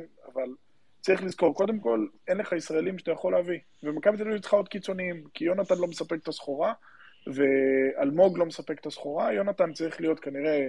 שתיים או שלוש ברוטציה, ואתה צריך להביא עוד מישהו שיתחרה איתו על ההרכב, ואלמוג לא מספיק טוב, אז אתה צריך לעבות את הסגל, וזה בדיוק המשמעות, אתה צריך להוריד את אלמוג ברוטציה, ולהביא מישהו שיהיה ביחד עם יוני על, ה, על הדקות שהם ינסו להיכנס, אתה הולך להביא עוד קיצור. אילון אלמוג לא יישאר במכבי תל אביב, מיכאל, ברגע שדוידה... אין בעיה, מעולה, אז זה עוד יותר טוב, אז זה אומר, אומר שהוצאת שחקן פחות טוב מהסגל, הבאת שחקן שאולי פוטנציאל ויותר טוב בסגל, אז זה בסדר גמור, זה בדיוק המצב של עיבוי סגל, אתה צריך שיהיה לך 18 שחקנים טובים, אתה צריך שהסגל יהיה מספיק רחב, וזה בדיוק מה שמכבי תל אביב אני דווקא, אני דווקא, אני דווקא רוצה להתמקד לא, לא, ב, לא בשחקני הסגל, אני רוצה להתמקד בשחקני הכנפיים. אנחנו כל השנה, ואפילו בשנים האחרונות, מדברים על זה שהאליפות לוקחים דרך הכנפיים בישראל. אוקיי, אם זה היה עומר אצילי אז, וצ'יקו, ויונתן כהן, ו... ואין ספור שחקנים, ובמכבי חיפה שוב עומר אצילי וחזיזה, ודין דוד בכנף, וצ'רון שרי, וסבא עכשיו, וחלילי, אז, נכון, אז, בוא נעשה, אז בוא נעשה טיפה סדר, בצד שמאל משחק מילסון, אוקיי, יגיע גם כנף זר, כנראה אה, קיקו יגיע, וגם יכול לשחק בשמאל, גם בימין, יגיע, שזה- אה, הגיע זה מוזר, אושר. דוידה, רגע, שנייה, טל, הגיע אושר דוידה ויש את יונתן כהן, כלומר, יש לנו ארבעה שחקני כנף, זה מבחינתנו אידיאלי, חבר'ה, לפני שנה בקושי היה לנו אחד, לא, אז ארבעה לנו שחקני רק- כנף, אין פה הצפה, אין פה שום הצפה של אה, שחקני כנף, יש לנו ארבעה, וארבעה זה אידיאלי, לכל שחקן יש מחליף, אה, מילסון, אם לא המשחק היום, הייתי אומר שהוא יכול לשחק גם בימין, אבל ראינו היום שזה קצת בעייתי, אבל כן, ארבעה זה מספר אידיאלי לדעתי. גל, סטופ, יש פה נקודה אדומה אה, או מנורה נורא גדולה שאמורה להידלק והכל. אה, מתי בפעם האחרונה קבוצה החזיקה, במיוחד שאני מדבר על תפקיד ספציפי מאוד, אה, שני זרים על אותה עמדה? זאת אומרת, אני, אני קצת קשה לי להבין את זה. מה זה שני זרים על. אותה עמדה? שנייה, קי- קיקו, קיקו הפורטוגלי, בהנחה שהוא יחתום, נו. בסופו של דבר יכול לשחק גם בצד ימין. הוא ישחק בצד גם מילסון שמאל. יכול לשחק בצד ימין לא, לא, וחלוץ והכל. לא, לא, לא, לא, לא, לא, טל. הוא יכול לשחק בצד ימין, הוא משחק בצד ימין הרבה יותר ממילסון, ובסופו של דבר אל תשכח שמילסון יוצא לחודש לאליפות אפריקה. לא בטוח, בסדר. שנייה, חכו עם זה זה, רגע. זה, זה לא, זה לא, טל, זה לא, סלח לי, זה לא שני לא. שחקנים על אותה עמדה, זה שני שחקני אוקיי. כנף. היום בכדורגל המודרני אין דבר כזה שחקן על עמדה, במיוחד בשחקני כנף. אני בטוח שמילסון עדיין יקבל צ'אנס לשחק גם בצד ימין שוב, יכול להיות שהוא תפס משחק חלש, יכול, הכל בסדר, אבל בסופו של דבר, שורה תחתונה, יש לנו ארבעה שחקני כנף. אה, אילון אלמוג לא יישאר. גל, תן לי שנייה לעצור פה, אה, לאור התוצאות כרגע בליגה האירופית ובקונפרנס, מכבי סופית דרג 2 אנחנו בהגרלה. כן, זה טוב. לנו, דרך אגב, עדיף לנו. סוג של, אה, אני לא יודע אם הדרג השני אה, יותר אה, אה, נחות מה, מהדרג זה זה הראשון. למה, שאנחנו למה, רגע, רגע, עוזי, יש את, יש את לגיה ורשה שעדיין יכולים ל- לעבור את אה, מיטיולנד, יש- ויש יש את, רייקה. למה? יש את רייקה שמובילים על ליל, זה לא נגמר, 1-0, אנחנו זה בהערכה נגמר כי יש כבר, למה אתה מתווכח? פרנקפורט, דינמו זאגרב, אלקמר, גנט, פנרבכצ'ה, פרנס פארוש, פארק וסטובן אה, דינה- דינמו זאגרב הודחה? כן, הודחה על ידי. כן. אה, אם הודחה אז נגמר הסיפור, סליחה, אני לא ידעתי. מכבי כרגע במקום התשיעי כבר מבחינת זה. אני. הנחתי, שמאירופה ליג לא תרד קבוצה אז שהיא מעל תניח שאם מכבי אני תל אומר, אביב. אז אני יודע מה אני אומר. לא, לא, לא, לא, דרך אגב, דינמו זאגרב בסיבת- זה הפתעה גדולה. דרך אגב, גל, מה שאתה אומר, בהקשר למה שענבל אמר קודם, והוא צודק, שמכבי באמת בסדר גודל שלה, בטח למפעל כמו זה, צריכה לכוון לעלות מהבתים. אה, אם אתה מסיים במקום הראשון, אתה עולה אוטומטית לשמינית. אה, אם אתה לא מסיים במקום הראשון, המקום השמיני, אה, המקום השני אמור לשחק ב-32, אם אני לא טועה, נגד המודחת מודחת מהאירופית. בסדר, כן, כמו נגד שהיה- איינדובן. כמו שהיה לנו שנה שעברה. כמו-. כן, כן. כמו שהיה לפני שנתיים, בדיוק. אני אומר, הרבה יותר קשה... אני קונה את זה, טל. כן, אני אומר, אבל הרבה יותר קשה אה, להגיע מהמקום השני, מה שנקרא, לשמינית. זאת אומרת, המקום הראשון זה מה שנקרא... טל, אבל אין קורלציה. טל, אין קורלציה בין לא, לא. הדירוג לבין המקום. לא, אני מדבר, בסדר, זה תלוי גם איזה קבוצות אתה מקבל. תראה, הדרג השלישי והרביעי שהסתכלתי קודם מה שקורה בקונפרנס, אה, ללא ספק אמורות להיות יותר חלשות ממך. אתה אמור לכל הפחות לסיים מקום שני. יש לנו, כמעט יש בכל לנו בית. אפשרות לפגוש את זה תלוי בהגרלה, אתה יודע, כלשהו? א- תאורטית אגב, אגב, נמנענו, נמנענו מפיורנטינה ואסטון וילה, כן, אנחנו איתם באותו דרג, אני בכלל לא בטוח שדרג אחד יותר חזק מדרג זה מה שתיים. שאמרתי, נכון. דרג שתיים מאוד חזק, מאוד חזק. אז אה, בסופו של דבר מה שעוזי אמר נכון, כאילו אנחנו מאוד תלויים בהגרלה, כן? הכל זה הגרלה, פרנקפורט, פרנקפורט דרג ראשון, פנרבכצ'ה דרג... אה, עדיין בשקטש יכולה להיות בדרג שלישי, אתה מקבל את בשקטש מדרג שלישי, זה גיהנום. אז זה מאוד מאוד תלוי בהגרלה, אבל... אה, אנחנו דיברתי על הרוב, עוזי. אני אני לא, מסכים לא, איתך שתמיד יכולים ליפול. לזה. ברור. עניין של מזל, אנחנו מכירים את זה, כי הרי היה לנו שנים שקיבלנו הגרלות מהגיהנום, והיה לנו שנים של יותר טוב- יותר טובים, יותר טובות, אה, אבל כל מה שרציתי להגיד, שאנחנו סופרים שתיים. עוזי, עוזי, רגע, זהו, מיכאל, זה מעניין, שאל? אותו. ב- לא שמעתי. תרחיש- לא, לא, לא, לא, לא, לא, מה לא, פתאום? אם חיפה... למה? אם חיפה תסיים שלישית חיפה, באירופית. חיפה, יותר... כן. רגע, חבר'ה, אני רוצה לעשות טוב, עוזי, תעשה סדר, אני אתן לך את הכבוד. לא, לא, לא, קודם כל, זה שלב שעדיין לא יכולות להיפגש את הקבוצות זהו, באותה זה מדינה. שתי אז השאלה בכל. מקרה, יות- יותר מזה, אני, אני אוסיף שנייה עוזי, יותר מזה, מכבי חיפה תקבע מחר בהגרלה שלה באיזה רביעייה אנחנו נהיה, אוקיי? אם חיפה תהיה נכון. ברביעיית הבתים הראשונה, אנחנו נהיה ברביעיית הבתים השנייה, אז לא רק שאנחנו לא נכון. יכולים להיפגש, גם. עושים חלוקה. לא, לא, לא, זה- זה עניין- זה עניין של אה, גם אה, משחקים שכאילו, שיפלו בית חוץ וכו'. נכון. אבל נכון, בכל מקרה, בכל מקרה, אה, אנחנו לא יכולים להיפגש עם חיפה בשלב הפלייאוף אחרי הבתים, כי בשלב הראשון הזה עדיין לא נפגשות מאותה מדינה. חוץ מזה, שבוא נאחל לחיפה לגמור אה, מקום אה, רביעי ולנו מקום ראשון, אז מה... יודעים. אני מסתכל רק על עצמנו, מה שהם יעשו, תשמעו אתה חבר'ה, הפערים- הפערים, לגמרי. בין האירופית, הפערים בין האירופית לקונפרנס הם מאוד מאוד גדולים, הקבוצות שיש באירופית זה אייקס, ליברפול, זה באמת, מטורפת. כן. כל אם דרג. אתם, אם אתם מקבלים את איינטראכט פרנקפורט ובשקטש, זה מטורף. כן. אה, אם זה בהגרלה רעה, אנחנו יכולים לקבל אותם, כן. לפחות, אה, כמעט- עפה מול לבסקי סופיה ואיבדה את שני השחקנים הכי טובים שלה השבוע. ובדרך כלל, אגב, הקבוצות האלה מהליגות החזקות ביותר, הקונפרנס ליג לא מעניין אותם בשום צורה שהיא, עולות עם הרכבים אה, משניים. זה לא כל כך גרוע לקבל קבוצה כמו אני רוצה. להזכיר לך. שווסטהאם לקחו את הקונפרנס ליג, אתה יודע, זה לא מדויק, זה משהו אחר, זה מועדון אבל שלא לא, לא היה באירופה לא פרנקפורט באירופה או כל כך ווסטהאם, הרבה, כל אני שנה. מדבר פה על- אה, ליברפול. וסטהאם, פרנקפורט וכאלה, יש להם זה, ועובדה שהגיעו לגמרים ולקחו גביעים. יש לנו. זיכרון טוב מפרנקפורט בבלומפילד, לא לא חושב שזה יחזור על גם עצמו, בשקטש אבל, אה, בחוץ ניצחנו, אה, עשינו מכבי... האוהדים מספר. אחת באירופה, פרנקפורט. וואו, כן. היה מדהים- היה מדהים אז בבלומפילד. קהל... לא, הם הגיעו 50 אלף איש לברצלונה, הם קנו את הכרטיסים אבל, מברצלונה. אבל שוב, בסוף בסוף הכל זה הגרלה, גם מכבי חיפה, שכמובן, כמו שאמרתם פה, הליגה האירופית הרבה יותר קשה וקבוצות הרבה יותר טובות, מכבי חיפה יכולה לקבל את ריינג'רס מדרג ראשון ואת קרבח מדרג שני. ו- ואיזה קבוצה פח מדרג רביעי, זה יכול להיות ככה, אנחנו יכולים לקבל גם את ליברפול ובטיס באותו... זה בדיוק מה שרציתי להגיד לך, אני מאוד רוצה שליברפול תגיע, אני אגיד לך למה, עוזי. הם כי חוששים נכון, ממכבי יש את חיפה, ברצלונה וריאל מדריד. מהמועדונים הגדולים, ליברפול היא שם, ליברפול מהמועדונים הגדולים ביותר בעולם, שאוהבים אותה בכל מקום בעולם. אם ליברפול תגיע לסמי עופר, זה תהיה שמחה וחגיגה בדיוק כמו שפריז הייתה פה. אה, כן, אני אני מבחינתי לקבל איזה יעד כיפי ואטרקטיבי, ככה שתהיה לנו איזה נסיעת כמה חוץ... שיותר אה, חלשות. הכי חלשות שיש, אני רוצה לקבל. הכי חלשות, ועל הדרך אם אפשר איזה יעד אטרקטיבי ונחמד, יותר טוב מלרנקה, כן? ככה ניק- לתקן ניקוד- את החוויה. ניקוד וכסף. ניקוד וכסף, זה מה שחשוב. אה, אני שרוף- אני שרוף על איסטנבול, אז אני מאחל לכם. אוקיי. טוב, נמתין בסבלנות למחר. בוא נשמע את עוז אוחנה, אהלן עוז. אהלן חברים, מה נשמע? בסדר, איך היה לך? אמ, קודם כל, אני רוצה שנייה להתחיל אה, דווקא על אושר דוידה, אה, כי הרבה, דיברתי כבר אה, על המשחק, ואני גם אחרי זה גם ניתן כמה נקודות על המשחק. אני חושב ששחקן ששיחק בקבוצה מאוד מוגבלת כמו הפועל תל אביב, וכבש שמונה שערים נדמה לי, ו, ושישה בישולים, זה... זה דווקא מראה על שחקן ש...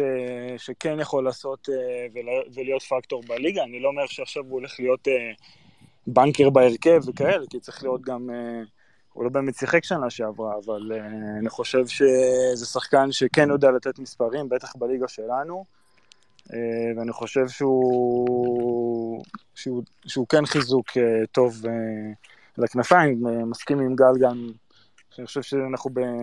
נהיה במספר אידיאלי מבחינת האופציות שלנו בכנפיים, מה שלא היה לנו, אני לא זוכר כבר כמה שנים.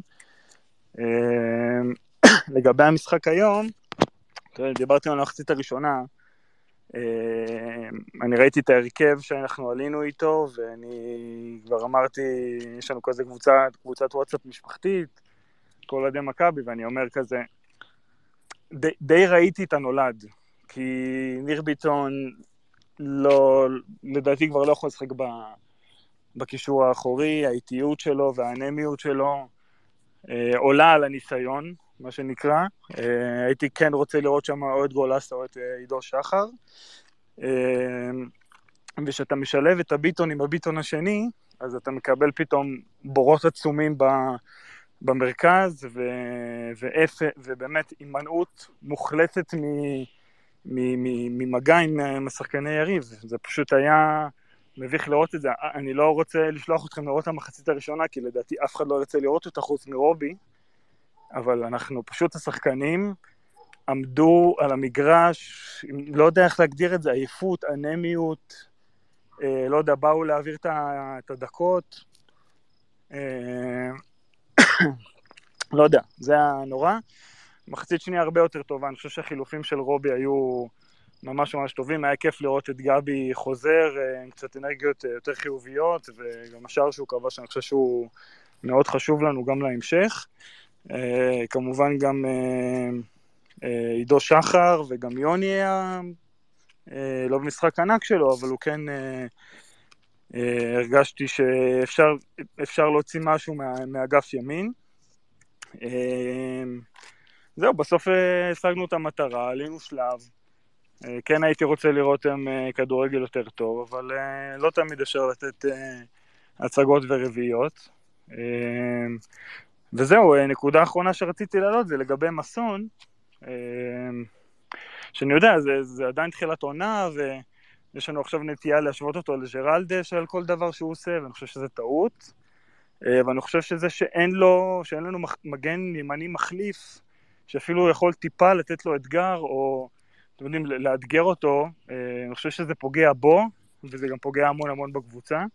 וכפי שזה נראה כרגע, וגם לפי פרסומים של רז, אני, אני מבין שזסנו כבר אה, לא חלק מה, מהפול כרגע, אז אני לא יודע בכלל מי יכול לשחק אה, מגן ימני מחליף. אה, וזהו, בגדול. איך מכבי תל אביב לא מבינים אה, שגיא מזרחי הוא מגן ימני מצוין? איך? אני לא מצליח להבין את ההתנהלות איתו, וגם, אתם יודעים, כאילו, מצד אחד לא, לא משחררים אותו, ו... אולי צריכים לשאול את זה במסיבות עיתונאים מתישהו. למה גיא מזרחי באמת... פרימו, אה, לא- אני במקום מכבי תל אביב הייתי בא לאייל סגל ועושה ג'אבר תמורת גיא מזרחי. לא, מכבי תל- מכבי נתניה הציעה הצעה כספית על אה, גיא מזרחי, למה מכבי נתניה. הציעה אבל על זה שיש מכ- להם את ג'אבר? אז אני, אז אני אומר לך שמכבי, אני חושב שאחד כמו ג'אבר, עם היכולות ההגנתיות שלו, יכול להיות מגן ימני מחליף מכבי תל אביב יותר מהאופציות הקיימות בשוק והאופציות הקיימות בסגל. אני, זה אני בדיוק גם הצעתי, הפונקציה שחסרה, מגן ימני הגנתי. אני גם הצעתי את ג'אבר בתחילת העונה. הוא לא, הוא לא מגן התקפי יותר מדי, אבל לא, הוא בהחלט לא. יציב בהגנה. ג'אבר, כן. ג'אבר לא תקבל ממנו הרבה בהתקפה, אבל מבחינת אה, להגן, אני לא יודע אם הוא מגן פחות טוב ממסון, ב- אבל בהתקפה לא תקבל ממנו כלום. גל, אני רוצה לענות רגע לאושר דוידה, אה, כן. נקודה. קודם כל, אני חושב שמכבי תל אביב, וכולכם צריכים להנמיך ציפיות בהקשר, אה, בהקשר של אושר דוידה. אושר דוידה בא אחרי עונה שבה הוא לא שיחק כמעט בכלל. עכשיו, יש גם נסיבות מקלות. אה, סטנדרט ליאל זה מועדון מפורק, כלכלית ומקצועית, הייתה עונה קטסטרופלית, והעונה הנוכחית נפתחה בצורה עוד יותר גרועה עם שתי נקודות מ-15 אפשריות. אה, הוא לא בתוכניות, הוא לא היה בתוכניות בעונה שעברה, הוא לא בתוכניות עכשיו, אה, הוא לא היה בתוכניות עכשיו, גם כי אה, ניסו להיפטר ממנו כמה שיותר מהר, כי אה, באמת אין שם כסף. שאלה שם של זלטנוביץ' לסטנדרט ליאז' למשל, שאל אותי אחד הכתבים, נתניה מבקשת כסף? אמרתי לו, כן, אז הוא אמר, זה לא יקרה. אין בסטנדרט ליאז' כרגע לשים על שום שחקן כסף, רק מחפשים להיפטר ממי שלכאורה שווה משהו. אבל אם אה, למדתם משהו ממקרה יונתן כהן ודור פרץ, שחקן שחוזר אפילו אחרי עונה אחת, מעונה שבה הוא כמעט לא שיחק, ועבר טלטלות אה, מקצועיות ומנטליות קשות, אי אפשר לבוא ולצפות ממנו שיהיה אה, שחקן מוביל ב- בעונה הראשונה שלו בכדורגל הישראלי. אם זה לא קרה, עונת החזרה הכוונה, אם זה לא קרה לשחקנים שמכבי תל אביב זה ה-DNA שלהם, כמו יונתן כהן ודור פרץ, והם היו צריכים עונה אחת אה, כדי אה, להתנתק ולשכוח את הטראומה, זה בטח לא יקרה עם אושר דוידה, שבסך הכל עשה כאן עונה אחת טובה בהפועל תל אביב, ונמכר כנראה בסכום מופרז ל... למקום שלא התאים לו מלכתחילה. אז uh, יהיה נכון להכניס את אושר דוידה לאט לאט, ולהסתכל עליו כעוד שחקן סגל, ולא לצפות ממנו למספרים, ולא לאיזושהי יכולת שיא. יכול להיות שהוא יפתיע, כן, יש לו, אי אפשר להגיד שהוא שחקן כישרוני. אבל אסור לנתק את מה שעבר על אושר דוידה בעונה האחרונה, ממה שהולך לקרות איתו בעונה הקרובה. אה, ענבל, זה אותו, אותו כנ"ל לגבי יונתן ודור, שכשאמרנו בפירוש שמכבי תל אביב אה, החזירה אותם לטווח הארוך, אז אפשר להגיד בדיוק אותו דבר על אושר דוד. החוזה לארבע שנים אה, עם אופציה לשנה חמישית, זה סוג של הצהרת כוונות, אנחנו בונים עליך לטווח הארוך. אז יכול להיות נכון, אבל שזה יודע- זה כן ייתן לו את השקט הזה, אתה יודע, שהוא לא חייב להראות כבר את היכולות שלו כבר על השנה הראשונה. זה הכל תלוי איך המערכת תתייחס אליו ואיך האוהדים יתייחסו אליו, זה נכון מה שאתה אומר. אבל אה, אה, דור ופרץ ויונתן כהן הם שחקני בית של מכבי תל אביב, שלקהל יש אין סוף סבלנות כלפיהם. והוא מוכן להכיל אה, אפילו עונה לא טובה. אושר דוידה, אה, לכן אני אומר להנמיך ציפיות. כי אי אפשר לבוא ולשים לו רף של מספרים, או של, אפילו של דקות או של הופעות, אתה לא יודע מה תקבל ממנו. אם אתה מוכן להכיל עונה שלמה, שהבן אדם בא, נכנס פה עשר דקות, פה רבע שעה, פה פותח באיזה משחק נגד יריבה יותר חלשה בליגה, נותן גול שניים, ככה נכנס לעניינים, מתחיל להתאקלם בתוך המערכת והארגון הזה שנקרא מכבי תל אביב, ואתה לא... אה, בודק כל שנייה מה קורה איתו, למה הוא לא משחק יותר, אז כן, ברור שזאת החתמה לטווח ארוך והכל בסדר. אבל uh, תיאום ציפיות זה דבר חשוב מאוד בכדורגל. אני, אני, אני דווקא... כמו ששחקנים הולכים לאירופה, למקומות שלא מתאימים להם, בדיר, בדיעבד מתברר שלא מתאימים להם, וחוזרים, אז אה, ככה גם צריך, אתה יודע, להסתכל על שחקן ש- שמגיע לפה ולא לצפות ממנו פתאום שאתה יודע, יקרא פה את הליגה, כי זה לא יקרה. לא, גם מכבי תל אביב לא הביאה אותו כשחקן בכיר, לפחות לא השלב הראשוני. והיא צריכה, איתו, היא צריכה לתת לו את הזמן, והאוהדים צריכים לתת לו את הזמן. ענבל, אני, אני דווקא חושב שבמצב כרגע של אוהדי מכבי תל אביב, אם תשאל, רוב האוהדים לא מצפים מאושר דוידה לשום דבר, פשוט... אה, לא נעים לי להגיד, אתה יודע, אנחנו נמצאים אה, אוטוטו מחר בחודש ספטמבר, ואנחנו יכולים לספור על כף יד אחת את אה, מספר השחקנים שהגיעו, אז אני לא אומר עכשיו, אוקיי, אנחנו מתלהבים מכל רכש, אבל אה, כן, שחקן ישראלי שיש לו פוטנציאל, אני יכול להבין למה זה מקור להתלהבות, אבל צריך לעשות את ההפרדה בין להתלהב מההחתמה לבין לצפות, עדיין אנחנו לא מצפים ליותר מדי uh, מאושר דוידה, לדעתי, כן? אני עוד לא שמעתי אוהד אחד שמצפה למשהו מאושר דוידה, לדעתי זה יקרה עם הזמן. בוא גל... נשמע את uh, עמית, כן. רק, אה, לא, אני חושב שגם רגע לפני שעוזבים רגע את uh, אושר דוידה, אני חושב שגם אם מסתכלים שנייה על, ה, על העסקה עצמה ו, ועל הסכום ששולם, אני חושב ש... מכבי עשו פה עסקה טובה, בטח לטווח ארוך, ובאמת כמו שענבל אומר, אני לא, אף אחד לא עכשיו מצפה לדו ספרתי של שערים וזה, אבל... אם הוא יעשה חמש שערים וחמש בישולים, הוא יעשה את שלו. כאילו- חד משמעית. שער ניצחון בדרבי, ויאללה. וחוץ מזה, אחרי הוולקאם שלו, יהיה לנו הרבה סבלנות אליו, זה לא משנה אם יש לו דנ"א אדום או זה, הכל טוב. אמ- אמרת דבר מעניין, עוז, יכול להיות שמכבי גם באמת ניצלה את הסיטואציה הזאת ו... וענבל ציין את זה, שליאז' אין, אין, אין אגורה על, על התחת, איך שאומרים. אה, להזכיר לכם, ליאז' כבר היו בפשיטת רגל כמעט, וככה התאוששו, ואז בא דודו ודחף להם את סטיפה ואת אושר דוידה, וכנראה רוקן להם את, ה, את, ה, את הארנק. עכשיו... אגב, גם אה, פריטה לא בתוכניות שם לא ראה כן. דקה סגל מתחילת העונה. כן, כן, אז, אז ליאז' פשוט צריכים כסף לשלם להפועל את התשלום השני, והם יעשו את זה על, אה, על הכסף של אה, מכבי, וגם יקבלו את התמלוגים על, אה, על אושר דוד על הדרך. אז ליאז' מרוששים, תשמע, יכול להיות אם פריצה היה, טוב, פריצה זה כבר היסטוריה, אני לא רוצה להיכנס לזה. הוא, מצטער, הוא מצטער, גל, תהיה בטוח על מה שהוא עשה. זה, זה, זה משהו, זה, אצל פריצה זה משהו שכל הקריירה, יש להם, לא יודע מי, איך הוא מקבל החלטות. הוא כל פעם מצליח באיזושהי קבוצה, ואז הוא... כנראה שיש, ל, כנראה שיש לדודו דן אה, כוחות מיוחדים, העין ערך אה, פרפגו הגול. אה, טוב, בוא נשמע דובר חדש, עמית ברוך, היה איתנו בלרנקה, אחלה עמית, עמית, מה שלומך? אהלן, אהלן חברים, מה שלומכם? ערב טוב. אה, ככה, אם אני מנסה לסכם את המשחק הזה, אז, אז נכון שהמחצית הראשונה הייתה מזעזעת, אם אני מנסה להיכנס לראש של רובי, אז אני, לראש של רובי, אז אני חושב ש... רובי ניסה לפתוח עם הרכב שתוך כדי משחק הוא ינסה לשנות את המערך ל-3-5-2 עם ניר ביטון בתור בלם שלישי ועם תורג'מן ו- וזהבי בחוד. זה לא באמת הצליח לו, מכבי נראו זוועה והחילופים שלו, אה, הייתי אומר שאפילו שהם קרו במחצית הם היו טיפה מאוחר מדי.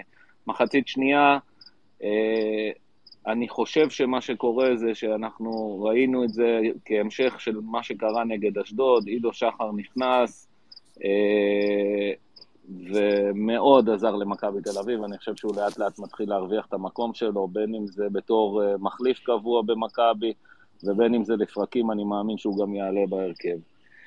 אה, לא משחק טוב, אבל עשינו את שלנו ועברנו. יש הרבה בעיות במכבי תל אביב, בעיקר בהגנה.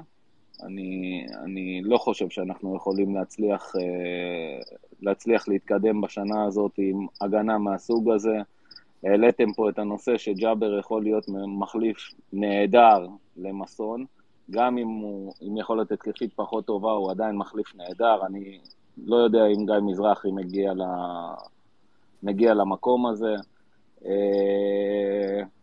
אתם מדברים על אושר דוידה, ופרימו אמרת שאין דבר כזה עיבוי סגל, אני חושב שאושר דוידה מביא כמה פרמטרים למכבי תל אביב שלא היו. א', הוא. הוא בין הישראלים הכי טובים שיכולנו להביא, אם לא הכי טוב, לא היה בשוק יותר מדי ישראלים שאפשר להביא למכבי תל אביב, ואם אנחנו נוגעים קצת בכדורסל, אז כן, עדיף לי שהוא יהיה במכבי תל אביב ולא בשום קבוצה אחרת ישראלית.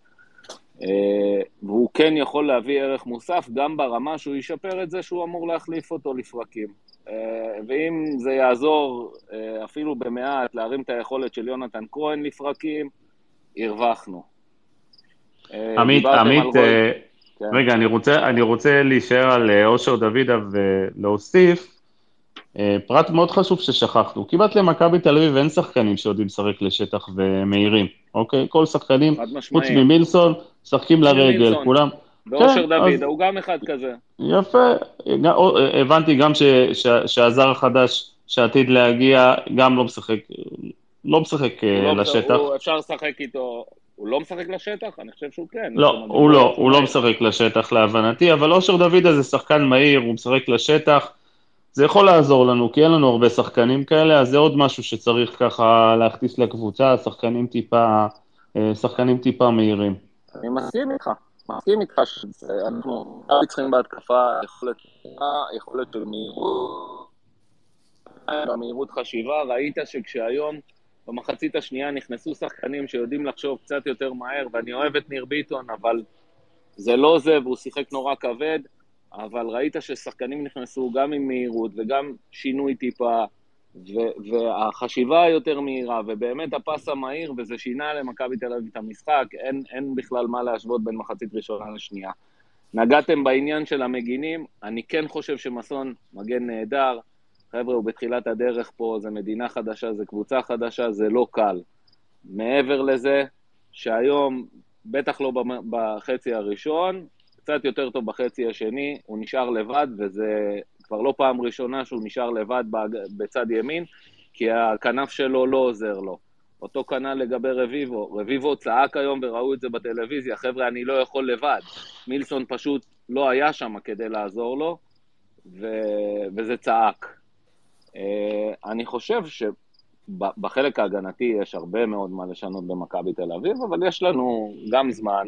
יש עכשיו uh, את המשחק עם חדרה ביום ראשון, ואחר כך שבועיים פגרה, אני מקווה שיגיעו השניים או שלושה שחקנים נוספים שיהיו, וזה באמת ייתן, יהיה איזה שבועיים לעבוד איתם, ולהכניס אותם ולחבר אותם, ואני מאמין שיהיה טוב. אם באמת העשר הזה שמדברים עליו, ש, שרץ היום בכל ההודעות, uh, מקס משהו מלוצרן, אם הוא יהיה זה העשר, להבנתי, להבנתי זה, כל, כל שחקני העשר שרצו היום זה לא שחקנים איזה מרץ? זה היה fake, fake רציני, לא, לא הבנתי. אני לא יודע, אני אומר מה רץ, אני לא, לא יודע מה פייק. לא, לא, אז הוא לא רץ.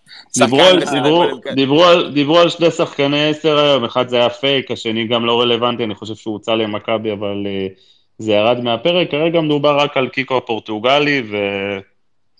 נקווה להפתעה נוספת. אני מניח, אני מניח שמכבי, אה, גם לפי כל הדיבורים, מכבי מדברים על, אה, על זה שהם חייבים להביא עשר. אנחנו רואים, דן ביטון משחק נהדר, גם כן, לא מספיק טוב, לא מספיק, הוא לא יכול להוביל את מכבי תל אביב על הכתפיים שלו. לא, לא דן ביטון משחק נהדר אמרת? לא, הוא משחק נהדר לפרקים, סליחה, ברכה. נהדר בעין. יש לו, יש לו הבלחות. נהדר בעין, כן. כן. זה כן, לא- דן לא- ביטון, דן ביטון זה כמו קבלני נדל"ן, זה 20-80, 80 לא משחק טוב, 20 משחק טוב. זה בדיוק זה, נכון. הוא לא שחקן שיכול להוביל על הכתפיים שלו את מכבי תל אביב, הוא לא שחקן ששולט בקצב המשחק כמו שמספר 10 אמור לעשות. אה, אה, הוא לא עושה את ההגנה שהוא צריך לעשות, הוא מאחר בסגירות. ראינו היום לחץ של מכבי תל אביב, שהוא כל פעם איחר בלחץ, וצליה עברו את, ה, את הלחץ הזה כאילו לא היה שם בכלל. וזה היה... הוא נורא מוסר ליריבות אין ספק 30 ש- מטר, כן, אני, אני מהשאר חושב שאנחנו שלנו. קצת מחמירים, מחריד, נכון, אני מחריד. שאנחנו יותר מדי מחמירים. עם דן ביטון, אני, יש לי המון ביקורת עליו, אה, רובה ככולה היא צודקת לגבי דן ביטון, אבל גם צריך לזכור שבסוף לדן ביטון יש יכולות שאין להרבה שחקנים במכבי, כמו יכולת של בעיטה מרחוק, בעיטות חופשיות, יש, הרבה מיכאל, הוא אבל בירידה, לא- הוא אבל אבל בירידה. מיכאל, הוא לא בועט, חשוב. הוא לא בועט מרחוק, הוא לא, אני לא חושב, להפסיק לרוץ באמצע התקפה. אני לא זוכר מתי הוא בעט מרחוק, ככה, מאז המשחק עם פטרוקוב, אני לא זוכר מתי לא. היה לו בעיטה. ניבו. ערב טוב, אני רוצה, אני, אני לא, רוצה. להמשיך עם ניבו, ואחרי זה נחזור אולי לדן ביטון. ערב טוב.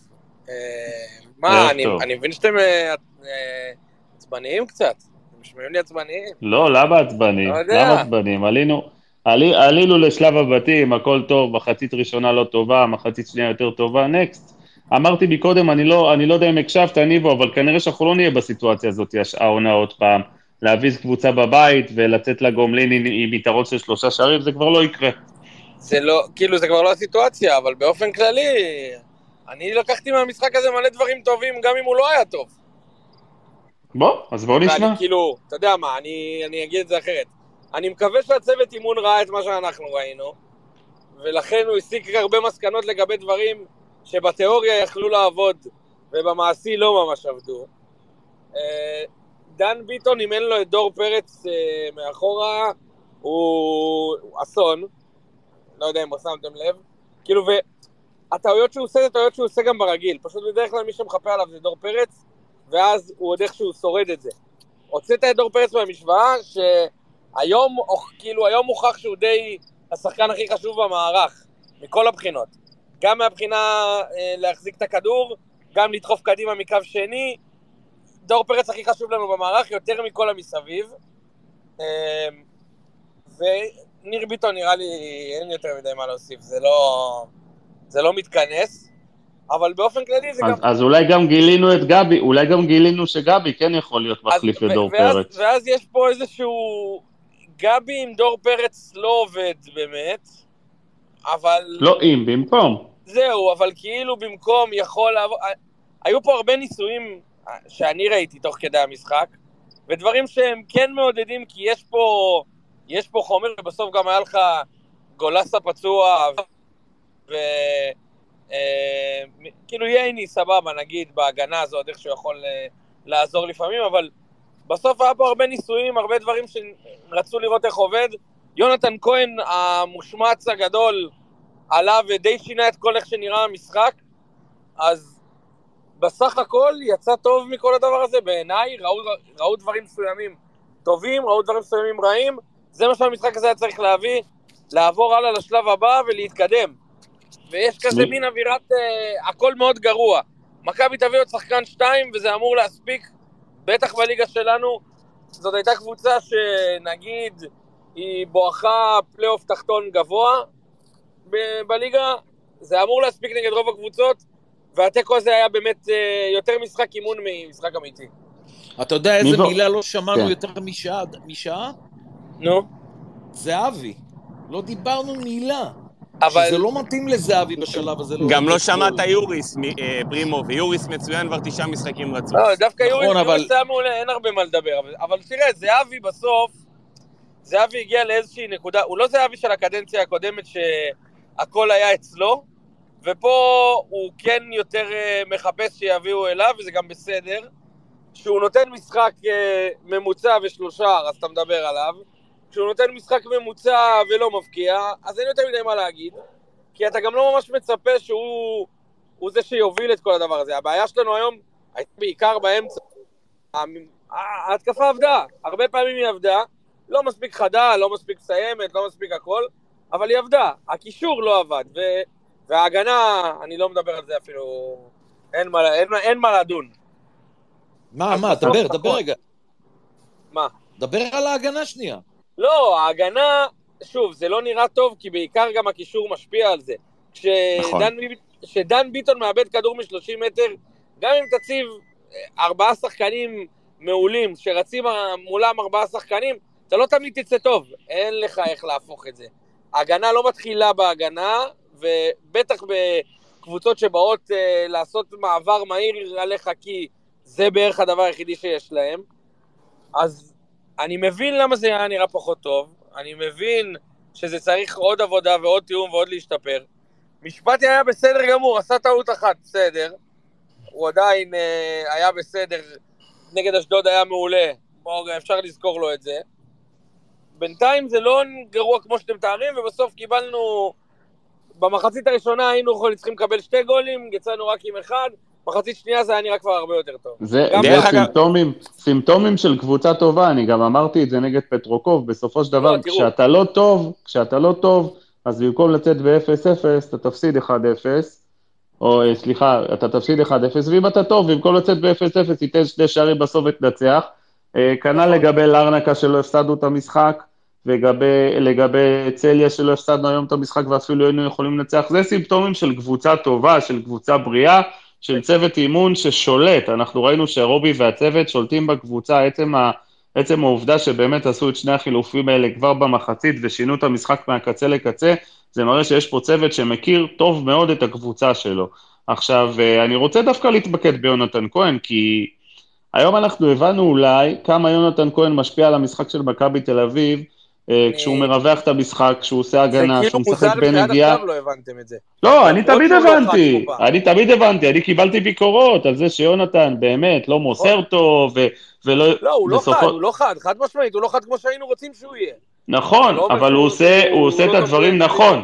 ניבו, הוא עושה את הדברים נכון, הוא משחרר כדור נכון. מהר, הוא מרווח את המשחק, הוא משחרר כדורים לצד השני. ש- שאגב, זה לגמרי עבודה של מאמן, שיודע מה הוא רוצה ומה הוא מצפה. נכון, יונתן, לא ראינו את זה ממנו. נכון, נכון, אה, לא ראינו נכון. את זה ממנו. צריכים זה להבין משחק שיונתן... כן, משחק לא, אבל גל, זה, אני, אני, תראו, כל מה שאומרים על יונתן זה נכון. יונתן, יש לו דברים שאנחנו לא נקבל מהרבה מחליפים שיעלו במקומו, ושיונתן יעלה, אתה תקבל ממנו הרבה ערך מוסף, שלא תקבל משחקנים אחרים, אה, וגם לא מדור הצעיר, וכנראה לא ממילסון בצד ימין. אבל גם ליונתן יש את המינוסים שלו, ולפעמים זה הדריבל המיותר הזה, ועוד כדור מיותר, ולפעמים זה הכניסות לאמצע, ולא תמיד הריווח ש... תראו, יש פלוס, זה כל משחק לגופו, אתם כל פעם... אין בעיה, משחקים- אבל, אבל גם פה, יונתן במקרה הזה, אם היה, כל מה שאתה אומר היה אצלו מושלם, כנראה שהוא לא היה חוזר הוא לא היה. פה, נכון, נכון. וזה בסדר, וזה בסדר, נצטרך ללמוד לחיות עם זה שלא הכל מושלם, ועדיין הוא עושה דברים טוב, וכשיש לו מאמנים טובים, הוא, הוא מש, משמעותית יותר טוב. זה מסוג השח, סוג השחקן. תן לו. מאמן טוב שיודע איך ל- לשחק איתו, והוא ידע לעשות מזה דברים טובים. תן לו מאמן שלא יודע, זה בעיה. דרך אגב, סורי שקטעתי, אבל uh, אני, אני רוצה רגע להיכנס לדברים של פרימו, כי לחזור בעצם, ערן היום, אם אני זוכר נכון, לא הגיע אפילו להזדמנות אחת. יכול להיות שהסלובנים, או שערן, אתם יודעים, יכול להיות טיפה עייף, קשה להגיד את זה, אבל בכל זאת משחק שלישי בשמונה ימים, או שהסלובנים התכוננו טוב, אבל uh, אם אני זוכר נכון, ערן אפילו לא הגיע להזדמנות אחת, להזדמנות הפקעה אחת. והשאלה... הגיע, איך הגיע, מכבי- פעם אחת הוא הסתובב הגיע? לרגל שמאל בתוך אז, הרחבה. אז, אצ- אז פספסתי בכל זאת, אתה יודע. אני הגיע, רואה- הגיע והשוער לקח לו. אז, אז אחת, אז, אז מתנצל ופספסתי את זה, כי בדרך כלל ערן מגיע להרבה יותר. אה, בטח במשחק נגד אשדוד, שהוא עשה כל מה שהוא רוצה, וגם במשחק ש, אה, שבוע שעבר. אבל אה, השאלה איפה אנחנו נצטרך להתכונן, כי אני לא חושב שהייתה ציפייה במכבי היום שגבי יעלה וייתן את הגול. זאת אומרת, יש ציפיות מ- משחקנים אחרים. איזה שחקנים יוכלו לבוא ולהיות אה, אה, אה, שחקנים משלימים לערן, אלה שיצטרכו לתת את המספרים. מה זה לתת את המספרים? כמה שערים יש לערן? השנה? כן, תשעה, אם אני, לא, אם אני זוכר נכון. יכול שמונה להיות. שמונה. שמונה, שמונה. שמונה, ש- אז אני אומר, מי שהיא לא. רגע, מכבי תל אביב, אה, טל, עם 27 שערים, זה לא שעכשיו אני- ערן אני- מפקיע וזה, אני עדיין. לא, גל, אני- אנחנו משחק התקפה מבחינת שערים, עד עכשיו, פרפקט, אין תלונות. אני אומר, איזה משחקים אנחנו נצטרך לבוא ולדעת ולמצוא, אה, אה, מה שנקרא את התחליפים, את השחקנים שישלימו את ערן. ערן הרי לא יכבוש בכל משחק, כמו שקרה היום. אז היום אני לא יודע אם מישהו ציפה, גבי בא ב- בסיבוב, בשתי נגיעות בכדור ברחבה, בא ושם את הגול הזה. אני לא יודע גם אם שרובי העלה אותו, אם- אם היה מי ציפייה... שם ב- מי שם בארבע אחת? הרי זהבי שם פנדל. מי שם נכון. לא, תראו, שם שלושה. לא, בסופו של. דבר, בסופו של דבר מכבי הבקיע 27 שערים, כן? ערן, לא הבקיע את כולם, אפילו לא שליש. אז uh, יש מאיפה, יש מאיפה לקבל את השערים, אם זה גבי, ואם זה יונתן, כן. ואם זה, אוקיי, בערך שליש, פלוס מינוס, כן. ו- ואם זה דור פרץ, ואם זה מילסון שיכול לתת את הגולים, ואם זה דור תורג'מן, דווקא אני חושב שהמשחק ההתקפה זה לא הבעיה שלנו, טל, אנחנו צריכים, לא, לא, נראה לי להתכונן ש- למציאות חדשה, אנחנו צריכים להתכונן למציאות שכל משחק אנחנו חוטפים גול. חסר לנו עוד חלוץ כזה, מה שאני בא להגיד לך, סתם, אני לא יודע, אתם תגידו שבירו, לא שבירו, לא רלוונטי מבחינתי, איטליה יחזור, נחת כבר בארץ, אני לא... חסר לנו את העוד חלוץ הזה, שייתן עוד 10, 12, 15 שערים. איזה חלוץ, אה, אבל טל, בשיטה הזאת אתה לא יכול להכניס עוד חלוץ, אם יש לך את דור תורג'מן. אני לא, אני לא יודע איפה ולא יודע איך, כי בינתיים ערן משחק full, full time, כאילו אין פה, אף אחד לא החליף אותו עדיין. אתם יודעים, לא, היום... אה, גל, גם ערן לא יכול לשחק 90 דקות כל משחק. הוא לא... מה זה לא יכול? לא, בפועל זה קורה. הוא אתה- אומר- שהוא לא יכול. אתה- אתה אומר שהוא לא יכול, בפועל הוא משחק. נכון להיום כן, אבל יש לך עונה ארוכה. צריכה שלושה חלוצים לפחות, אתה לא יכול להסתמך על יש חלוץ לך וחצי. עונה ארוכה, יש לך כמעט 60 משחקים. אוקיי, אסור אז... אסור לגמור את ערן זהבי. אסור. נכון, אבל, רגע, אבל רגע, רגע, רגע, אה, בסופו של דבר מי מחליט שהוא משחק? המאמנים, נכון? אני מסכים. איתכם ש... אה, ערן? סתם, אני... שערן לא. רוצה לשחק, הוא משחק, אין סיכוי שלא ירכיבו אותו. סליחה, אבל, אבל יש מדדים, ואם, רואים שהשחקן עייף, או אתה יודע, אה, חלילה אה, יכול להיפצע, אז אני חושב שהאחריות של, של, של צוות האימון, אגב, אני הופתעתי מאוד שערן פתח באשדוד, כן? נגד אשדוד, אבל המשחק כנראה יותר מדי חשוב, מחזור ראשון היה חשוב למכבי תל אביב. מעניין אותי מאוד אם ערן יפתח ביום ראשון, זה באמת אה, סוגיה מעניינת כבר, העומס הזה. מצד שני, אה, המשחק ביום ראשון מוציא אותנו לפגרה. אז יכול להיות שבאמת ייתנו את הפוש האחרון ואז יוצאים לנוח. אין לי של מושג. וערן באמת. זהבי, ערן זהבי בשום אז אופן נזכר שערן לא היה צריך בנבחרת, לצאת לפגרה. נכון, ערן יוצא לפגרה, אמרתי. ערן לא לא, אני אומר בנבחרת. אני אומר הפוך, שאסור לו היה בשום אופן לצאת לפגרה, אם אתה מבין מה אני מתכוון, הוא היה חייב להיות אה. זה כבר סוג, אתה יודע מה פרימו, אם אני מסתכל ככה, האינטרס שלי, גל, נטו, כן, אם אני שם את הרצונות של ערן בצד, מבחינתי שלא יהיה בנבחרת, שייתן את כל כולו למכבי תל אביב וישבור את הכוחות שלו לקחת את האליפות, הנבחרת לא מעניינת אותי.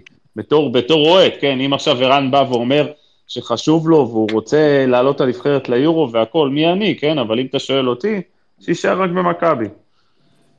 אה, בואו בוא, בוא נפנטז קצת, כאילו, פרימו, עוזי, אה, ענבל, אה, עודד, בואו, כנף, ימין שחקן זר, כנף שמאל שחקן זר, שחקן עשר זר, ערן זהבי קדימה, דור פרץ ויוריס. תשמעו, זה באמת שישייה קדמית, לא רוצה להגיד מפחידה, אבל מכובדת ביותר. אבל אתה אומר- אתה אומר- קודם כל תלוי איזה זרים, אתה אומר שחקן זר, כאילו בדיוק, אתה אומר עשר לא. אתה פוגע בטוח בשחקן זר. אנחנו עם ארבעה זרים כרגע, אתם זוכרים את זה, כן? לא, לא, ההנחה אנחנו שלי, ההנחה שלי שכל זר. שיגיע, אה, עוזי, הוא אמר ההנחה שלי שגל אומר שכל... שמביאים שני זרים ו- והם יהיו טובים. לא, רגע, רגע, להגיד שגם שניים וגם לפגוע בשניהם זה כבר אה, קצת, אה, באמת ההנחה. שלי שכל זר שתביא ב- ב- ב- בעמדה של אה, דן- ביטון ישדרג אותנו, לדעתי. דרך אגב, סורי שאני נכנס רגע, אבל אה, ד- פה מראה לך כמה זה חשוב להביא מגן ימני או תחליף מגן ימני ישראלי מספיק טוב, כי אנחנו, אני עוד פעם מזכיר, אנחנו לא יכולים לשחק עם שישה זרים בישראל על הדשא. זאת אומרת, אם אנחנו רוצים ללכת על חלק קדמי שיהיה מורכב מכנפיים זרים, עשר זר, אה, וצמד הבלמים שלנו נכון לעכשיו זר, אז אתם יודעים, אנחנו נצטרך לעשות פה את ה... או שיונתן כהן, או שאושר דוידה, או שדור תורג'מן. זאת אומרת, נביא שישה זרים מעולים, לא כל השישה יכולים לשחק, רק באירופה. אותי מפתיע כל העניין הזה, מה שאתם מדברים, אתם מדברים על זרים למעלה. אני אומר לכם, ההגנה של מכבי תל אביב לא מספיק טובה. שמעו לי, מכבי חייבת להתחזק בהגנה. אני אומר? לכם, מה, היית אפילו מביא חשבון בלם עכשיו? הייתי מביא בלם. אני אומר לך, מה אני בלם? מסתכל לשחק עם- לשחק עם שלושה זרים בלמים, בשלושה בלמים? לא. כאילו זרים? אז מה? לחזק, לחזק את ההגנה זה אומר להביא שחקן ב, בכמה דרגות יותר טוב מלוקאסן. אין ברירה, במקום הגנה לא לוקאסן. טובה. אין. לא, אז, אז. רגע, אתה, אתה אומר להחליף את לוקאסן. כן. חובה. אוקיי. אבל זה לא אני חושב רלוונטי. שההגנה לא. מספיק טובה. זה לא רלוונטי, קודם כל לא אני לא חושב שלוקאסן כזה גרוע. אתם עוד פעם, תשימו לב גם לאיזה משחקים אנחנו מדברים. משחקי הבית, וגם בטח משחקי הליגה, לוקאסן וסבורית זה לא טוב לליגה, זה מעל הליגה. אני לא יודע, יגידו שנפלתי מהכיסא, יגידו שזה. אה, הם גם מספיק טובים לשחק נגד מכבי חיפה ונגד הפועל באר שבע, והכל טוב ויפה. הבעיה היא...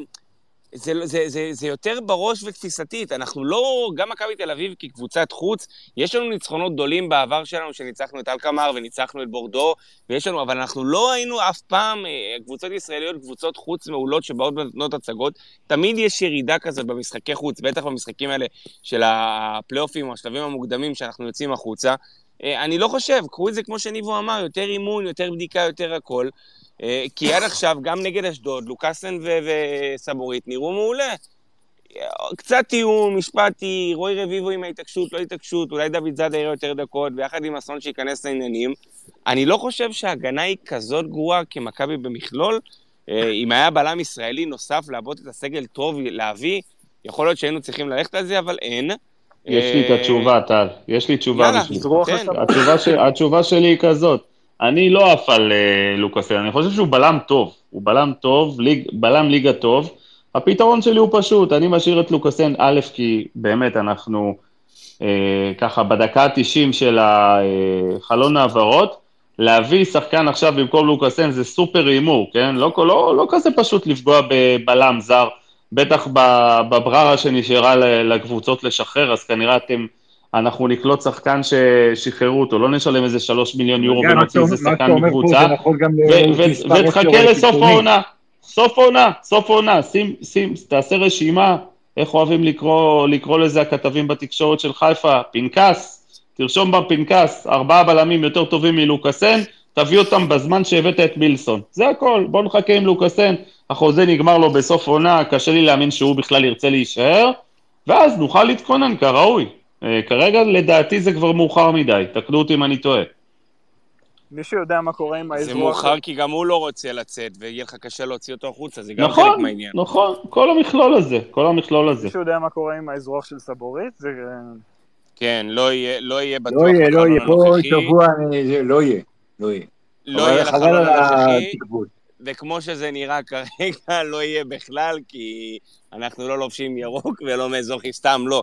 אה, יש כאלה שיותר קל להם, יש כאלה... הנה, תראו, אה, פתאום היום אה, חלילי, מדברים עליו על זה שיאנג בויז רוצה אותו, כל מיני קבוצות באירופה מתעניינות, ופתאום היום, פעם ראשונה מפרסמים שהסעיף שלו החוצה היה רלוונטי עד ה-15 לשמיני.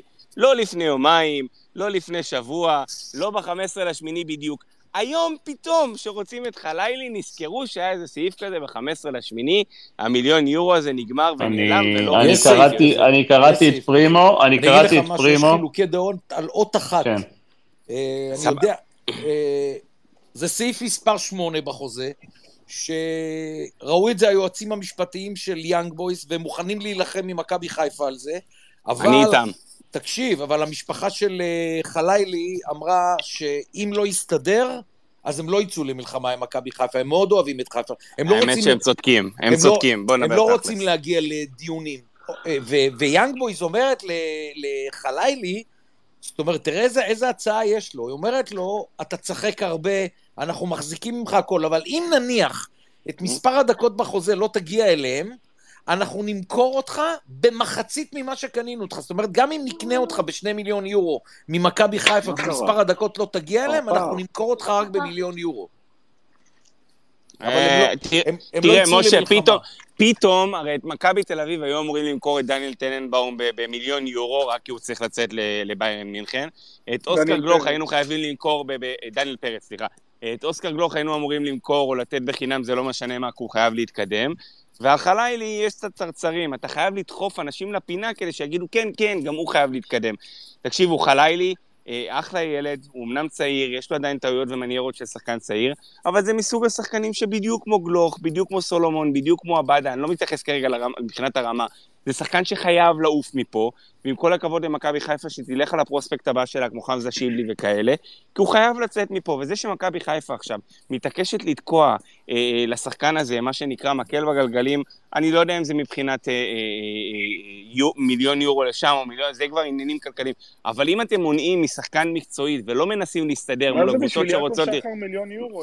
אני לא נכנס לזה, אני לא- אני לא מדבר בזלזול הזה. אבל רגע, טל, לא טל, מדבר, מכבי שנייה, חיפה עושה מה שצריך לעשות, מה, מה אני זאת רק אשלים אומרת? את המשפט, אז אין בעיה, הם עושים מה שצריכים לעשות, ועדיין, יש פה עניין של שחקנים עצמם, ואם מכבי חיפה הייתה אה, לא חכמה בעליל לקבוע לו סעיף שחרור כזה נמוך, אה, והבינה את הטעות שהיא עשתה, והיא עכשיו מנסה לפתות אותו ולנסות לה- להחתים אותו על חוזה חדש עם סעיף שחרור הרבה יותר גבוה, דרך אגב, מה שמכבי גם עשו עם גלוך, אבל... אה, רגע, אני אם חושב- אם מכבי- אם מכבי היו מקבלים הצעה מביירן של שלושה מיליון יורו על דניאל פרץ ולא נותנים, אז היית אומר... לא, זה- אם לד- אם לדניאל פרץ מכבי היה סעיף לא, זה- שחרור... מכבי חיפה מתנהלת בר- בקטע הזה, אם- מכבי חיפה עושה מה שהיא- אמורה לעשות, כמו לא, שמכבי תל אביב לא. עושה מה שהיא אמורה לעשות עם עם עוזי, דניאל אם פרץ. לדניאל היה סעיף שחרור של שלושה מיליון יורו, לא היינו יכולים לעשות שום דבר, ולא רלוונטי. חבר'ה, די, אני... בדיוק אה, כמו שהיה עם אוסקר גלוך. מה? טל, אני, אני ראיתי היום יותר מדי ציוצים בטוויטר על הזה. בואו, ביירן מינכן ויאנג בוי זה משהו שונה לחלוטין. הפוך, אין- הוא... הוא- לא, אה, לא הבנת. מה אני אומר. כשאני אמרתי שדניאל פרץ חייב לצאת, אז הוא חייב. לצאת מבחינתי לביירן מינכן.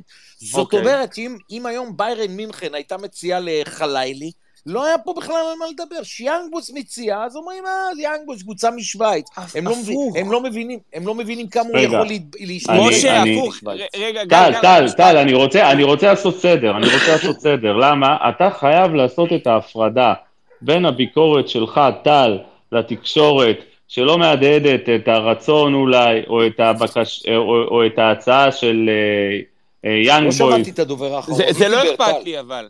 זה אני... גל, זה גל מדבר. לא, לא, דרך אגב, גל, אבל, אבל, לא אבל טל. זאת הייתה הביקורת שלך, מה זאת לא, לא, לא, אומרת? לא, לא, לא, לא, לא, הביקורת, בתקשורת אני נכנסתי לזה, כי דרך אגב, הביקורת שלי על זה שחלילי, יש לו סעיף שחרור שנקבע, יש שם עוד פעם עניין של ניואנסים, לא ניואנסים, שיתעסקו בזה עורכי הדין. יש פה ילד שאמור לצאת החוצה, כי הוא שחקן מספיק טוב לצאת החוצה, ואני דווקא פה נכנס עם מה שפרימו אמר. דניאל פרץ, שוער מעולה. עתידית בעניין ובתפיסה, ועם זה שנויר בן 37 כ- כשוער עתיד לביירן מינכן, ולדניאל פרץ, לא יודע אם היה נכון לצאת ליאנג בויז, אבל לחלילי לצורך העניין, הכי נכון לצאת, כמו שאוסקר יצא לזלצבורג, לצאת ברור. לקבוצות כמו יאנג בויז, ברור. ולא לאוי ואבוי לחלילי אם היה יוצא לביירן, מה זה לא, אוי אבל ואבוי? ברור אתה- שזה לדעתי מבורך, אתה- אבל לדעתי הוא אתה לא... מספר את הסיפור לא נכון. מה זאת אומרת? חבר'ה, המשמעות, המשמעות היא הפוכה לגמרי, כי כשדניאל פרץ מועמד לביירן מינכן, אז פתאום באים כל מיני כתבים בתקשורת, ונכנסים לכיס של מיץ' גולדהר, ואומרים, מה זה Mm, בשביל גולדהר עוד אוקיי. מיליון, פחות מיליון, תוציא אותו בשתי מיליון, תוציא אותו בחצי מיליון, אסור לעצור לו את החלום. שוכחים שמכבי תל אביב היא לא מלכ"ר, היא קבוצה תחרותית, ואם היא משחררת את השחקן הכי טוב שלה בקבוצה בעמדה הזאת, ואין לה תחליף ראוי להביא, היא יכולה גם לדרוש עליו 40 מיליון יורו, ואף אחד לא יכול להגיד למכבי תל אביב אם זה מחיר שהוא נכון או לא נכון. אין שום נוסחה להעריך שחקן לפי השווי שלו. עובדה שוונדייק נמכר לליברפול ב-8 סבבה. מיליון יורו. גם חלילי לא אף אחד שווה מיליון, חלילי לא. שווה מיליון יורו, בוא נדבר. תכלס, הוא שווה פי תן לי רגע חמש. להשלים משפט, דיברת איזה. עשר דקות, תן לי רגע להשלים משפט. כש, כשואן דייק נמכר לליברפול ב-80 מיליון יורו, אף אחד לא בא לליברפול ואמר לה, תשמעי, ליברפול, את לא יכולה לקחת 80 כי זה ואן דייק, תקחי 40, נכון? למה? כי זה בא אני לא שומע את. הנאמר. מי מדבר, גל? מיכאל. מיכאל, לא, נדבר על אני- הסכומים עכשיו. טוב, אני... גל, אני יוצא, תחזיר אותי עוד הפעם. טוב. אז אה, מה מה שאני אומר בסיפור הזה של, של יאנג בויז ו- וחלילי, קודם כל יכול להיות גם תרחיש שבו חלילי מנסה עכשיו לשפר מעמדות ולקבל חוזה חדש, ויכול להיות שיש פה דברים שאנחנו אולי לא מבינים, והוא עכשיו יחתום על חוזה אחר בלי סעיף שחרור, ויקבל יותר שכר, ויקבל זה, סצנריו אחד. במקרה השני, במקרה של חלילי, אני לא רואה עכשיו עיתונאים שבאים ואומרים מה זה בשביל ינקלה שחר, תוציא אותו במיליון, אל תוציא אותו במיליון, זה החלום שלו, זה העתיד של הילד וזה. כשככה דיברו על דניאל פרץ. אז, אז איפה או, זה אני- ואיפה זה?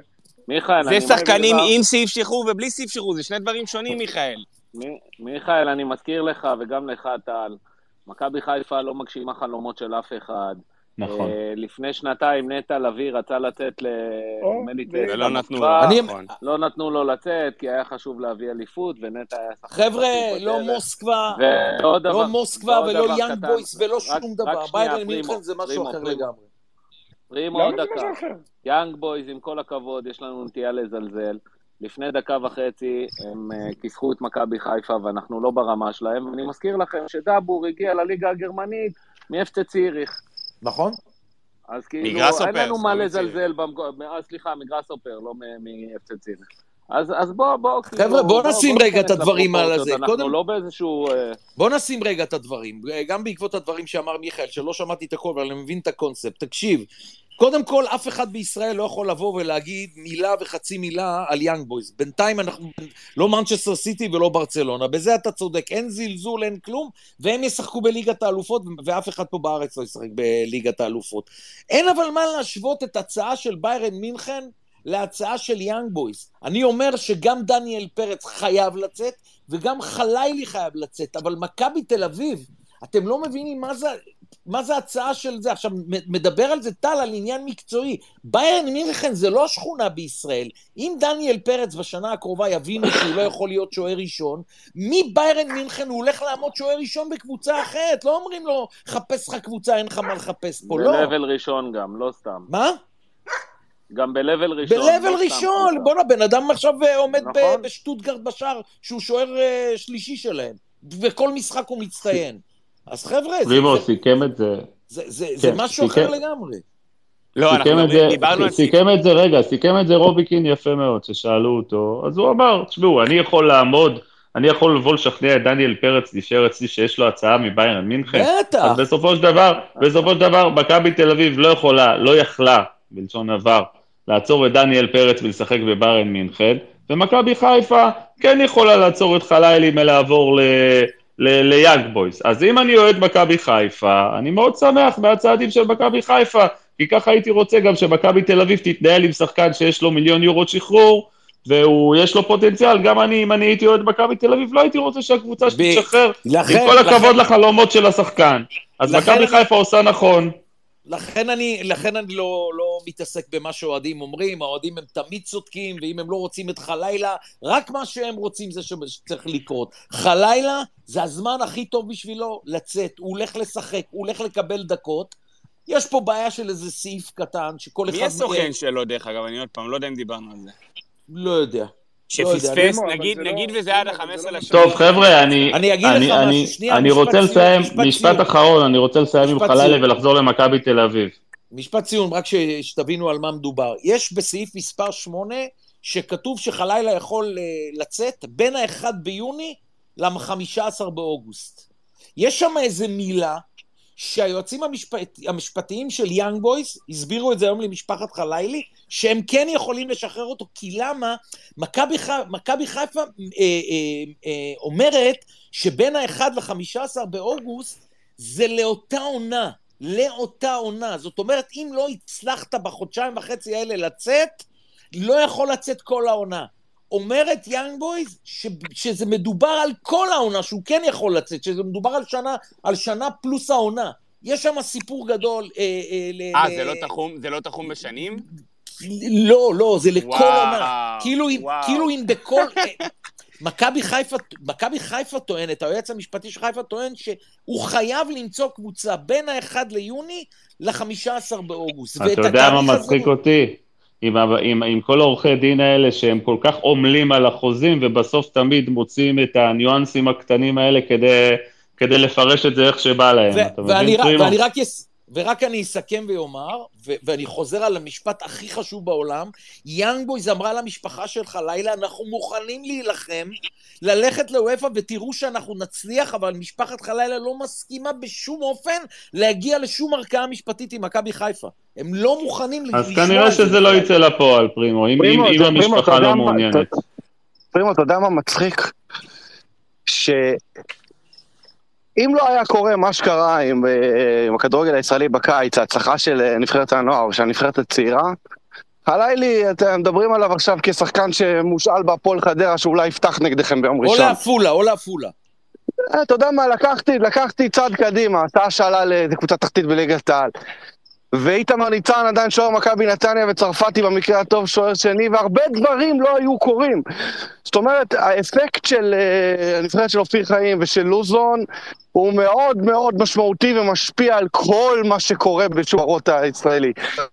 עכשיו, חיילי זה סופר שחקן, כן?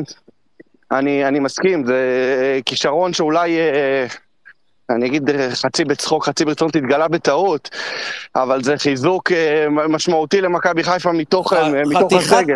תקשיב, חתיכת שחקן, ואני אומר לך, וגם, וגם במכבי חיפה ובמשפחת חלילה יגידו לך, שאם למקין וקרצב וגנדלמן ואוסקר גלוך שחקנים באירופה, גם הוא צריך להיות באירופה, והם צודקים מיליון אחוז. אני, מס, אני, מיליון. אני, מסכים, אני מסכים איתך, אבל אתה יודע, שחקנים כמו אוסקר גלוך ומנור סולומון, זה טלנטים שסומנו מגיל צעיר מאוד. זאת אומרת שאוסקר גלוך לא היה צריך את, אה, את הטורנירים האלה של הנבחרות הצעירות בשביל לעשות את המעבר, והוא כמובן עשה אותו לפני. הוא היה צריך מאמן שיאמין בו, אה, ענבל. והוא- אני רק רוצה- ובסופו- של דבר הוא גם קיבל את זה. גמבלר, כאילו, לא קטן. אני חושב שכל הקבוצות, שנייה רגע, שנייה פרימו, שנייה, אוקיי. כל הקבוצות הישראליות הבינו שצריך גם להסתכל אה, אה, למטה וצריך להסתכל פנימה מה יש לפני שרצים להחתים שחקנים וזה גם קורה השנה במכבי תל אביב וזה גם קורה במכבי חיפה בעקבות ההצלחות של הקיץ הזה. עכשיו יש פה אה, התנגשות אינטרסים בין שחקן שרוצה להתקדם לבין מועדון תחרותי שרוצה לפני שהוא משחרר ומוכר שחקן להרוויח ממנו הצלחות. זה ברור. עכשיו, יש נקודה שבה אתה אומר, אני כבר לא יכול לעצור שחקן, כמו uh, במקרה של דניאל פרץ הבארן מינכן, כמו במקרה של uh, אוסקר גלוך, שגם שם היה סטיב שחרור. אבל רגע, מה זה לעצור? אני לא חושב שחלילי uh, הגיע למקום הזה, אבל אני חושב שכל מועדון, גם מכבי חיפה, גם מכבי תל אביב, יש לו say לבוא ולהגיד, אוקיי, עכשיו זה לא הזמן, תן לי עוד שנה טובה ואחר כך נדבר. אני שמעתי, אגב, פרימו, מ... אה, אה, גם בנתניה, מאייל סגל, שחקנים מסוימים, שהוא אומר, אוקיי, גנדלמן הגיע, לצורך העניין, הגיע למקום שבו אני כבר לא יכול לעצור אותו, אבל שחקנים אחרים, כמו איתן אזולאי, שלא יבואו אליי בשנה הקרובה ויבקשו להימכר, כי זה לא יקרה. לא, שנייה, שנייה, ענבל, אבל צריך לעשות... אוקיי, אז אני לא רוצה משווה, להגיד שנייה. אני לא משווה ברמת, אני לא משווה. בדיוק, עוזי צודק, תלוי מי אם יש סייף שחרור ואני בא ומשלם את ה-50 מיליון יורו על ענבל מנור, אז גם אם סגל לא רוצה, חד אני משמעית, זה נכון, 50 מיליון וזה. יאלץ, זה יאלץ את הקבוצות ל- אה, להתנהל מול שחקנים בגיל צעיר יותר. שחקנים. אני לא צריך לספר לך שהיום באירופה כל קבוצה, כל שחקן בינוני חתום על סעיף שחרור של אה, לפעמים לא הגיוני, בדיוק בגלל זה. רגע, אני אז רוצה לחלילי להגיד יש. סעיף שחרור ול- ול- ולדור פרץ לא היה סעיף שחרור. אז אני אומר. מה שקרה בקיץ הזה יאלץ קבוצות כמו מכבי חיפה ומכבי תל אביב לשים תג מחיר של 4-5 מיליון יורו על נכון, שחקן נכון. ולא של מיליון, מיליון וחצי. אני רוצה רגע לשים בצד את נתניה, אני רוצה לעבור איתכם רגע ל- לחלילה, אבל שנייה להגיד על נתניה שבאמת אין סעיף שחרור, וכל שחקן שם נמכר בשני מיליון יורו ומעלה, קונים עכשיו שחקנים צעירים באזור המיליון שקל, ואני אומר לכם שזערורה ואיתן אזולאי יצאו לאירופה, ואולי אפילו עוז בילו ובר כהן, אבל עזבו רגע את נתניה. אני רוצה להגיד על, על אה, ביץ' גולדהר ויאנקלה שחר, זכותם כל אחד לנהל את המ- את המועדון, ואני מזהה שבין השניים יש שינוי בגישה למועדון. ואתם מדברים על ההבדל בין אה, דניאל פרץ לחלילי. אני לוקח אתכם למשהו אחר לגמרי. חבר'ה, אוסקר גלוך, אמצע עונה. מכבי תל אביב מתמודדת על האליפות. היא בשלב הזה שאיבדה את אוסקר גלוך, איבדה את העשר הכי טוב בארץ, ואיבדה את האליפות, כי היא הייתה באמצע העונה, ואנחנו לא יודעים איך הייתה אה, מתפתחת העונה עם אוסקר גלוך. זה כאן מיץ' גולדהר יכול היה לעמוד על הרגליים האחוריות, הכל לא. יכל. משה, רגע, אני אסביר לך. גם למה. משה, לו, החוזה שלו היה נגמר בינואר, הוא יכל לא לצאת הבנת. בחינם. לא הבנת מה אני אומר. אני אומר ש, שכאן היה אמצע עונה, ואתה אומר הוא לא יכל, ואוסקר רצה, הכל... כאן אנחנו מדברים על שחקן של קבוצה משוויץ, שמבטיחה לו שתקדם אותו בתחילת העונה, מתאבדת עליו, מוכנה להילחם עליו אפילו במקום משפטי ב- ב- בוופא. עכשיו תסתכלו על זה רק מקצועית, הילד הזה עכשיו יכול להתפתח. תגידו, אני שואל אתכם שאלה, נו ברצינות, הוא, הוא נגד מי הוא משחק בליגה הישראלית? איך הוא יכול להתפתח? על מה אנחנו מדברים בכלל? הוא הולך לשחק בליגת אלופות, שלושה משחקים בליגת אלופות שנה הבאה, יכול להיות שהוא בקבוצה אפילו יותר גדולה. וכאן, אני- לכן אני חושב שבעניין הזה, מכבי חיפה חייבת לשחרר אותו, ולא מעניין אותי שאוהדי חיפה אומרים, התקשורת רוצה להחליש את חיפה. מי רוצה להחליש את חיפה? תביאו מצידי את מסי להרכב. יש טוב, אני, אני, אני, חייב, לסיים את הדיון. נתנו לזה, נתנו חלילה שחקן מצוין, נתנו לו במה, לא, לא, בוא לא, אני, נחזור. אני רוצה רק לענות לענבל משהו, שענבל משהו קטן שאמר.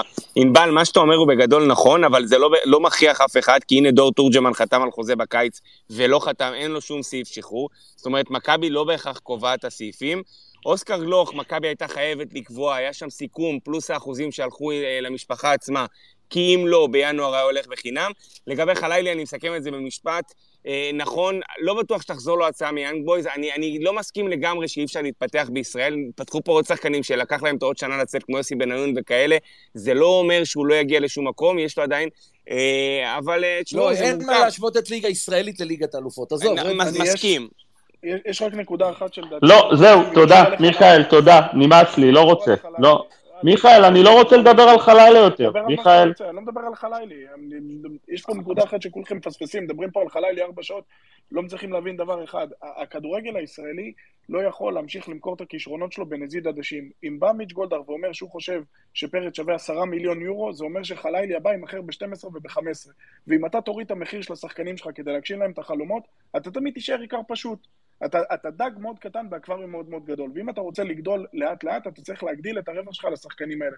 וזה שפרץ יצא בחמישה מיליון יורו ומכבי התעקשה וקיבלה את הסכום שהיא רוצה, השחקן הבא שיעבור אחרי פרץ לקבוצה גדולה, רק יעלה את הרף שלו, הוא לא ירד למטה. וזה, וזה לא משנה בכלל מי השחקן ומאיזה קבוצה הוא יוצא. חשוב, הקבוצה חשובה. כל זה. נכון, כל זה נכון בכמה תנאים. שתמשיך לייצר הצלחות ברמת הקבוצות והנבחרות הצעירות וגם הנבחרת הבוגרת. זאת אומרת, תעלה את רמת הכדורגל הישראלי בעיני אה, אה, סקאוטים אירופאים של מועדונים אה, בינוניים ובינוניים תמיד פלוס. הציפייה שלך. זה תמיד הציפייה, אבל זה לא היה כך שנים. בגלל זה אני אומר שכל מה שקרה בקיץ אה, הרים את המחיר של הכדורגלן הישראלי, נכון. וזה סבבה. עכשיו, יש הבדל בין שחקן בן 21, שת- 21, אה, 22 לבין שחקן בן 18-19. השחקן ב-18-19, או אתה יודע מה, מקסימום 20-21, קבוצות אה, בינוניות בינוניות פלוס מוכנות לשים את הסכומים שאתה מדבר עליהם. אה, שחקן שנשאר פה עד גיל 24 ומשחק רק ברמה של, כ- של אה, כדורגל ישראלי, השווי שלו יורד. כי מה לעשות, אתה עדיין, כמו שאמרת, אתה נשימה- קטן באקווריום גדול והסקאוטים לא מסתכלים על הליגה הזאת. זה באותה נשימה שאני אגיד לך שאני בתור אוהד מכבי תל אביב מצפה ממנה לייצר שושלת באירופה, להיות כל שנה בשלב בתים באירופה, לא משנה אם זה קונפרנס ליג, ומצחיק אותי גם מה שטל- ולכן, אגב, מה שאמרתי שם, קבוצה כמו מכבי תל אביב צריכה לכוון לא רק לעלות לשלב בתים, שזה בטח עם... לא כאלה, אלא לכוון יותר מזה. לא, אבל גם. הכי חשוב לומר על מה שטל אמר, שאפשר להתקדם מהכדורגל הישראלי. יצאו שחקנים מהכדורגל הישראלי, אבל יאנג בוי שיחקה פעמיים נגד מכבי חיפה, בשני משחקים התלהבה משחקן, ולקחה אותו. משה, הוא חייב לצאת, בוא נעזוב את זה, אני רק חושב שאפשר, מה שנקרא, אם הוא לא יכול, לתת פה את העוד שנה, יש שישה משחקים לפחות בליגה האירופית, יש לו עדיין מה לעשות פה, ועדיין אני חושב כמוך, שאם יש לו את ההצעה, מהבחינה האישית המקצועית, גם לנבחרת ישראל והכול, הוא חייב לצאת. אה, חייב לצאת. ומכבי חיפה לא רוצים לתת לו לצאת. תודה רבה. אה, אני דווקא רוצה לנהל דיון עם אה, עוזי. עוזי, מה ההימור. שלך לגבי זר שישי במכבי תל אביב? תראה, אתה לא, לפני... לא, אני- הבאת- אני- אני אני אחדד, אני אחדד. זר שישי למכבי תל אביב עד הרביעי לחודש. אני חושב שיגיע, אבל, אבל להבדיל ממה שאתה... אה, כבר בנית לנו אה, התקפה של אה, עם ארבעה זרים ומספר עשר וכנפיים וזה, זה שאם יגיע זר, זה עוד לא אומר שזה יהיה זר טוב, זאת אומרת, אז אני מדבר כרגע ב- ברמת, ברמת המקרו, ברמת המקרו. אני יש לי, אני יש לי תזה מסוימת, עוזי. אני אומר שבסופו של דבר בן מנספורד ייבחן וייבחן על זה שהאם הוא יצליח לה- להנחית פה שני זרים, כנראה אחד הוא כבר הצליח, יגיע היום בלילה, אה, עד סגירת חלון ההעברות האירופאי, ואז איפשהו הוא קודם ירכוש... כל, קודם כל, רגע, שנייה, הוא ירכוש את האמון שלנו מחדש. צר לי לומר, צר לי לומר, אני מבחינתי כרגע אה, עדיין לא מאמין במערכת. אני עדיין חושב שמכבי תל אביב בסיטואציה כזאת או אחרת, יכולה להביא. להביא שחקן זר עד, עד, עד סגירת חלון ההעברות הישראלי, אני לא אתפלא. קודם כל, קודם כל, אני חושב שאתה קצת עושה עוול למערכת. אה, יש שיפור ברור אה, אה, בצוות המקצועי, אה, בן מנספורד, אה, אי אפשר להשוות אותו לברק יצחקי או למה שהיה קודם. אה, רובי קין, הצוות שלו. לא, לא, לא, אני מדבר על ה- רוביקין לא, לא לא, אני מבין, אני מבין מה אתה אומר. עובדים, מביאים, כמו שאתה אומר, כנראה שינחת זר אחד הלילה מחר. אה, שוב, אתה יודע, גם, גם לפעמים מנסים ולא תמיד מצליחים, זאת אומרת, אם, אם, אה, אם ערן זהבי בועט אה, 16 פעם במשחק למסגרת וכובש רק פעמיים, אתה לא תבוא אליי בתלונות. המבחן הוא לא, זאת אומרת, אם אנחנו נהיה עם חמישה זרים ברביעי בספטמבר, אני לא חושב שנכשלנו. המבחן אתה הוא גם... רואה, אה, עוזי, אתה רואה למה הרגילו אותנו? אתה מבין למה לא, הרגילו לא, לא, אותנו? שנייה, שנייה, שנייה. אם היית אומר לי, יש לנו רק שלושה זרים, ארבעה זרים, הייתי אומר לך, זה שערורייה. למה? שנייה. כי, כי, כי אם מותר שישה זרים אה, אה, לקבוצה ישראלית, חמישה מהם בליגה, אתה מצפה שיהיה לך לפחות חמישה זרים. בטח מכבי תל אביב, שיש לנו תקציב גדול. אני אומר, אבל לפעמים, אולי לא מצאו את הזר השישי הנכון למערך, למה שהמאמן רוצה. אבל למה, למה, למה אנחנו תמיד, למה אנחנו תמיד נותנים להם הנחות, עוזי? אני כל לא, הזמן לא, נותן לא נכון, למכבי... אני אומר, אני אומר, אני אומר, אתה, אתה בא ואומר, אתה, אתה מציב בפני בן מנסבורד אה, אה, מבחן, אני אומר שהמבחן הוא לא רק בביצוע בית. אם, אם על העונה אין לנו חמישה זרים, אבל נשחק כדורגל נהדר, ניקח אליפות, אה, נתקדם באירופה, אז וואלה. אז, אז, אז לא אכפת לי שאין שישה זרים. ואם גם עם שישה זרים לא נפגע, או יביאו זר שלא פה... זאת אומרת, בסוף המבחן הוא לא רק כמה זרים יש לנו, אלא, אלא קודם כל התוצאות והכדורגל שלנו.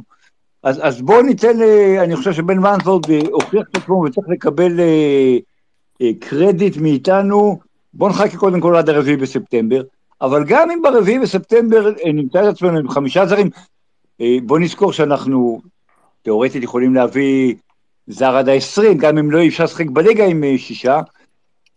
לא יודע, אני, אני חושב שצריך לחכות, אני, אני, אני, אני מרגיש ש, ש, שעושים עבודה, שמנסים להביא, אה, ואני נותן קרדיט לבן מזורד ולתאו עושים, שלי. עושים עבודה, עושים עבודה זה בטוח, אבל דווקא ב... ואני תמיד נותן למכבי תל אביב קרדיט ולבן מנספורד קרדיט, ואמרתי שזה לא, אי אפשר להפוך את הקבוצה, את המועדון, אה, בקיץ אחד, כן, בטח אחרי מה שברק יצחקי עשה, ועדיין, עדיין אני מצפה מבן מנספורד שעד הרביעי לחודש ינחית פה שישה זרים ויסגור את הסגל של מכבי תל אביב, שיהיו שישה זרים לאירופה, כי בסופו של דבר ה-added value שלנו זה אירופה, עוזי. נכון, משחקים טוב, נכון, הקבוצה נראית סבבה, הכל בסדר, בן מנספורד זה לא ברק יצחקי, הוא הביא לפה גם אני צוות מבין מה אתה אומר, מקצועי. קודם כל אני חייב אני חייב אני. לשפוט את מכבי תל אביב פעם אחת לחומרה, אני רוצה לראות שבן מנספורד יש לו בפנקס שחקנים והוא מצליח לסגור את הסגל. אני נמאס לי שכל הזמן אנחנו להגיד להם הנחות. המטרה של מכבי השנה, עם כל הכבוד לקונפרנס ליג, אם נעלה שלב. או לא... זה קודם כל אליפות. אם, אם נכון. מכבי חיפה לוקחת אליפות רביעית רצופה, אז אנחנו בצרות צרורות. זה אסון. לא, לא אגיד לך שלא מעניין אותי אירופה, אבל תן לי אליפות ושישה הפסדים בקונפרנס, מאשר לגמור מקום שני ולהגיע לשמינית גמר קונפרנס. חד משמעית, חד משמעית, אבל, אבל, אבל להביא לפה שישה זרים עד סגירת חלון העברות, זה גם, עוזי, זה גם סוג של הצהרה לנו, לקהל, להחזיר את הביטחון במערכת. אני היום לא מאמין שמכבי תל אביב עד הרביעי לחודש תנחית לפה שישה זרים. אוקיי, בואו תוכיחו לי.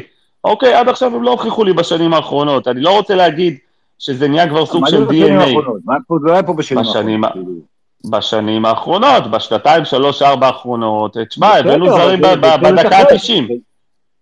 תירוץ אחר, אף אחד פה לא חושב שברק יצחקי הצליח בתפקיד שלו. אנחנו מדברים פה עכשיו על מישהו שהוא שלוש דרגות מעל, בלי לפגוע בברק. נכון, ועדיין אנחנו מגיעים לשלושה ארבעה ימים האחרונים בלי שני זרים. בשורה התחתונה, עוזי, זה כבר מתחיל להיות דפוס, אה, דפוס עבודה, נקרא לזה ככה, וזה לא מעניין אותי שאתה יודע מה, אני כן שופט את מכבי תל אביב לחומרה בקטע הזה, זה לא מעניין אותי שפרפה עזב ברגע האחרון, מכבי תל אביב בסופו של דבר התנהלה לפי החליל של פרפה ודודו דהן, כן? ובסופו של דבר, אם אנחנו לא נצליח להביא את הזר הזה, זה, לא יודע, אני לא, לא אגיד כישלון, כי בסוף היו שישה זרים במכבי תל אביב, אבל שוב פעם, אני מצפה מבן מנספורד שיסגור את הסגל עד הרביעי לתשיעי. יש פה מישהו שחושב שזה יקרה? אוי ואבוי לך אם זה לא יקרה, כי, אני- כי אני חושב- להביא את הזר הנוסף עד ה-20 לתשיעי אין לו כל רלוונטיות בליגה, כמו שאמרת. הערך המוסף זה באירופה, אם לא, שישארו לא, טל, הערך המוסף זה גם בליגה, אבל, אבל, לא, אבל, כן, אבל אתה לא יכול לשחק עם שישה זרים בליגה, ו- ולהתחיל לחפש את התמרונים האלה, אם כולם כשירים למי ישחק, מי לא ישחק, ולעשות את הוויתורים האלה. אה, אז למה אתה מחפש כל היום, כאילו, להזניח פה, ולמה אתה מחפש כל היום בתקופה של ג'ורדי? לא, גם למכבי תל אביב היה מספיק זמן כדי להנחית, כדי לעשות סקאוטינג, כדי לחפש את הזרים האלה, היה מספיק זמן שעד החלון, סגירת חלון העברות, יהיו פה שישה זרים. מיכאל, רצית להגיד משהו. כן, אני אומר, אני, אני חושב שהסגל יושלם. אה, מתי? לדעתי אנחנו נראה בסוף, אני חושב מתי? שאנחנו נראה בסוף שישה מתי? זרים. אני לא יודע, אני לא יודע להגיד תאריך, אני לא סוכן שחקנים. נו, אז לא זה- לא הדיון, מיכאל, הדיון הוא מתי. הדיון אומר- הוא מתי, הוא לא אם. אם כולנו. יודעים שכן. אז שנייה, אז אני, אני מנסה להסביר. אני חושב שמה שכרגע מונע ממכבי תל אביב להחתים שני זרים, זה קודם כל הלחץ של מכבי תל אביב לסגור עם עוד קיצוני, וזה כנראה אמור להיפטר השבוע. מה הקשר? מה. הקשר? מה. הקשר? מה, אתה לא יכול לחפש שני שחקנים ביחד? מה, אתה מוגבל? רגע, גל, שנייה, תן לי להשלים משפט. דקה. כשאני אומר, כשאני אומר שמכבי תל אביב צריכה להשלים את הסיפור של הקיצוני, היא צריכה לראות ש, שהיא סוגרת את הקיצוני, כי אם היא לא סוגרת אותו, וחלון, וחלון הזמנים שלה מצטמצם, אז זה משפיע בוודאות על הבחירה של הזר השני, שהיא יכולה או לא יכולה להביא. עכשיו, אם כרגע העמדה הכי חשובה של מכבי תל אביב היא הקיצוני, ואומרת, אני יכולה... אבל היא לא הקיצוני, מיכאל. שלי." רגע, אבל היא נכון, לא. כי חסר לך גם עשר, נכון, כי חסר לך גם אני אז. אתה סותר את עצמך. רגע, לא, אבל אני, אני אומר שאני לא יודע מה העמדה הכי חשובה של הצוות המקצועי שהוא עכשיו... אבל אתה גם מניח הנחה שהיא לא נכונה, אתה מניח הנחה שעמדה אחת קשורה בשנייה, אבל זה גם לא נכון. שתי הנחות לא, שלך לא נכונות. אתה- לא, אתה לא יודע שתי משתנים. שני, קודם, כל, קודם כל אני יוצא מנקודת הנחה שאני לא יודע כלום, אני לא עובד במכבי שני משתנים. מהצוות המקצועי, אני לא יודע כלום. אני, אני רק אומר איך אני מנתח את התמונה הזאת כרגע. אני מבין כרגע שמכבי תל אביב יותר חשוב לה למצוא קיצוני, כי זה רוב הפרסומים שאתה רואה, ראו בשבועות האחרונים כל השמות שאתה רואה זה בעיקר שחקנים ששחקים קיצוניים, אז כנראה שזו העמדה החשובה לסגל. זה לא נכון אבל, מיכאל, זה לא נכון, כי כל השחקנים, אבל כל השחקנים שהיו מועמדים בשבוע, שבועיים האחרונים לא היו קיצוניים, היו שחקני עשר. אבל למה אתה משייך רובם שחקן... כי- אני שאלתי שאלה פשוטה, האם יגיעו לפה שני שחקנים זרים עד תום חלון העברות ב-4 לספטמבר? אתה חושב שכן? אני חושב שאחד, אני חושב שאחד בוודאות כן, השני אני לא בטוח. יכול, יכול להיות שמכבי תל אביב... אתם שכחתם שאתם, אה. אתם שכחתם שאתם אוהדים, אוהדים אה, מועדון שעובד מאחורי הקלעים, ואף אחד לא יודע עם מי, עם מה, עם הוא. איפה הימים? די, די, נמאס לי, נמאס לי, אתם יודעים מה? נמאס לי לשמוע את זה. פרימו, באמת, נמאס לי לשמוע את זה כל שנה, שהמועדון עובד, אני יודע שהוא עובד, כל המועדון עובד, כל המועדונים לא, מה עובדים. שאני רוצה, מה שרציתי להגיד, לא נתת לי להגיד את המשפט המחץ. שמועדון שעובד וזה וזה וזה, ואתה לא אוהב לשמוע את זה, אבל אם יש מועדון שיפתיע, ויכול פתאום להנחית פה שני תותחים ביומיים הקרובים, זה רק מכבי תל אביב. על סמך מה אתה אומר את זה, פרימו? שנים? קודמות. אין למכבי תל אביב... לא נכון. גם, בשנים קודמות, אחרי שהפלת, לאירו- אה, אחרי שהפלת לשלב בתים, תמיד פעלת להנחית פה עוד זר או שניים. מה, את בבין? את ב- את לא. מי- את מי- את מי עזוב הנחתתי את פה? ג'ורדי, עוד פעם אני דיברתי, ויקי וקנין בזמנו, שחקנים, אירופה, הביאה לנו איזה פורטוגלי, הביאה פה, הביאה... אני, אני רק אומר לך, גם את, אה, איך קוראים לו, את פשיץ וכאלה, הבאת בסוף חלונות. את הרננדז הבאת בסוף חלונות. זה לא תמיד יהיה פגיעה בול פגיעה, מה שבאת והתחלת לדבר פה, עם- ועוזי אמר נכון. אתה לא יכול לצאת מנקודת הנחה ששני הזרים שאתה תביא לפה, לא משנה אה, עם איזה טייטל וכמה כסף תביא, שעם שניהם תפגע ושניהם ייכנסו לעניינים כבר בספטמבר, אבל אוי ואבוי לך, לא רק עם חשיבתית, עם, עם טכנית וביצועית, אתה לא מחתים פה שני זרים עד יום אבל- שני. לא יעזור לך אוי. אתה, אתה אומר אוי ואבוי, כאילו טל, כרגע זה, זה הולך לכיוון חמישה זרים, אתה יודע את זה, נכון? אני יוצא, אני יוצא מנקודת הנחה שיהיו פה שני זרים. אני, טוב, אחד מפורסם... בסדר. אני, יש אני לנו עשר לך- דקות. לא, כן. אני אגיד לך, אחד מפורסם תקשורתית ואחד כנראה מתחת לזה. הלוואי, הלוואי, אני, אני רוצה, אני רוצה שבן מנספורד יביא לפה שישה זרים עד הרביעי לספטמבר, אוקיי, ובסופו של דבר נגיד, או, יש שינוי במכבי תל אביב, סגרנו סגל, בן מסוגל, עבד יפה, תודה רבה, וזהו. זה מה שאני רוצה. בא לי פעם אחת שנסגור את הסגל, ולא נחכה עד uh, סוף חלון ההעברות הישראלי, נחכה לישראלי נוסף אולי, בסוף חלון ההעברות הישראלי. הגיע הזמן שזה גם יקרה, שבאירופה יהיו לנו שישה זרים. בוא נשמע את שקד. יצא מה? טוב למכבי תל אביב שעפו קבוצות מאירופה ביומיים האלה, וקבוצות שעפות מאירופה, ומפסידות פרימו, כסף. כל שנה אנחנו שומעים את הסיפורים האלה, ההפרשים בין החלון הישראלי לאירופאי, קבוצות שעפות ישחררו שחקנים, תמיד אנחנו שומעים את זה. אני חושב שבסופו של דבר צריכים לעשות את השיעורי בית, ומכבי תל אביב הייתה צריכה להיות מוכנה לעזיבה של פרפה, עם שחקן אה, מח- מחליף ל- לפרפה בעמדה הזאת. בוא נראה אם זה גל, יקרה. אתה תיאר- את תיארת בדיוק את מה שיקרה. יגיעו לכאן שני זרים, ישראלי הלוואי. יגיע עד ה-20 בספטמבר. הלוואי, בעיקר הלוואי. תשמע על שניים, שלושה שיעזבו. בוא נשמע את שקד, עשר דקות אחרונות, שקד. מה המצב חברים? אה, אני בדיוק נכנס לנושא הזה של הדיון ורציתי להגיב לו. אה, קודם כל לגבי אה, קיקו, אני חייב לומר שאומנם מדובר באמת בשחקן כנף אה, יוצר, אוקיי? לא כנף כמו מילסון, שמדובר באמת בשחקן קו פר אקסלנס מהיר, וגם קיקו מהיר, כן, אבל הוא יותר שחקן יוצר. אה, זה עם, עם אופי של קשר התקפי, ואני חושב שהוא גם איפשהו יכול, אני חושב שגם מכבי הביאה אותו כדי אולי בעצם לשחק איתו גם בעשר. אה, יש לו את המסוגלות לשחק שם, אז ככה שהוא סוגר שתי עמדות. מה שכן, אני בדעה בדיוק כמו גל, שמכבי חייבת להיות עם שש זרים, ואני אגדיל ואומר ששישה זרים לא רק משרת אותך בקונפרנס, בעיניי הוא מאוד משרת אותך גם בליגה. למה אני אומר את זה? כי בסופו של דבר בליגה, אה, כמו שאתם מכירים, תמיד יש לך איזה שבוע אחד שפתאום דור פרץ חולה, או פתאום אה, מילסון מתיחה, או חס, חס וחלילה, או פתאום ההוא שם, ופתאום ההוא זה פה. ופתאום יש את ההוא עם התקופה הפחות טובה, את הזר עם, הפחות, עם התקופה הפחות טובה. אה, אז, אז זה יכול לקרות, זה יכול לקרות, אוקיי? ופתאום אתה לא תהיה מרוצה מאחד הזרים. זה עוד שחקן לרוטציה, עוד שחקן לרוטציה, נכון, שיכול לתת מנוחה אומר- לשחקן ישראלי או... ולשחק באירופה. נכון, אבל אני אומר מעבר לזה, אני אומר מעבר לזה, גם יכול להיות שלא נהיה מרוצים מאחד הזרים, אתם לא יודעים. אולי זה יהיה קיקו בעצמו, אולי פתאום מילסון יהיה הרבה פחות טוב ממה שחשבנו, אולי פתאום אה, מסון יתגלה כבלוף, אוקיי, אתם לא יודעים. אבל בסופו של דבר אתה צריך להגיע למצב שאתה ממקסם את החמישה זרים הכי טובים שלך בהרכב. ואם אתה מתחיל מתוך חמישה זרים, לקוות שכל החמישה יהיו טובים, זה, זה לא נכון, זה לא בריא. הרי אתה בסופו של דבר חייב לרוץ לאליפות שיש לך חמישה זרים בוודאות שאתה יודע שהם הכי טובים שיש, שהם בוודאות משדרגים אותך. ואם אתה רץ מלכתחילה עם חמש, אתה מקטין את הסיכויים שלך לדבר כזה.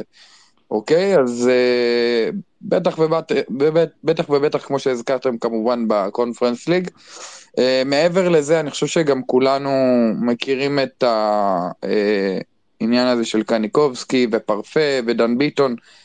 פרפה כבר לא פה, אבל גם דן ביטון וגם קניקובסקי שנתן להם שער וגם נתן דקות מעולות. אנחנו יודעים שזה כל פעם לפרקים, וזה כל פעם לתקופות קצרות, וזה בא והולך, וזה בא והולך. אנחנו לא יכולים להרשות לעצמנו את הדברים האלה בעמדה של העשר, שזו עמדת מפתח לכל קבוצה אבל גבי. שיחק היום אה, שמונה במקום אה, דור, אני לא זוכר כמה פעמים השנה הוא שיחק בעמדה הזאת במקום דור. אוקיי, קרה? אני, אני, כן, זה קרה. גבי שיחק אה, אצל איביץ' ב-352 הרבה מאוד. לא, לא, אני-. אומר, אני אומר העונה, תראה, שקד, יכול להיות ש...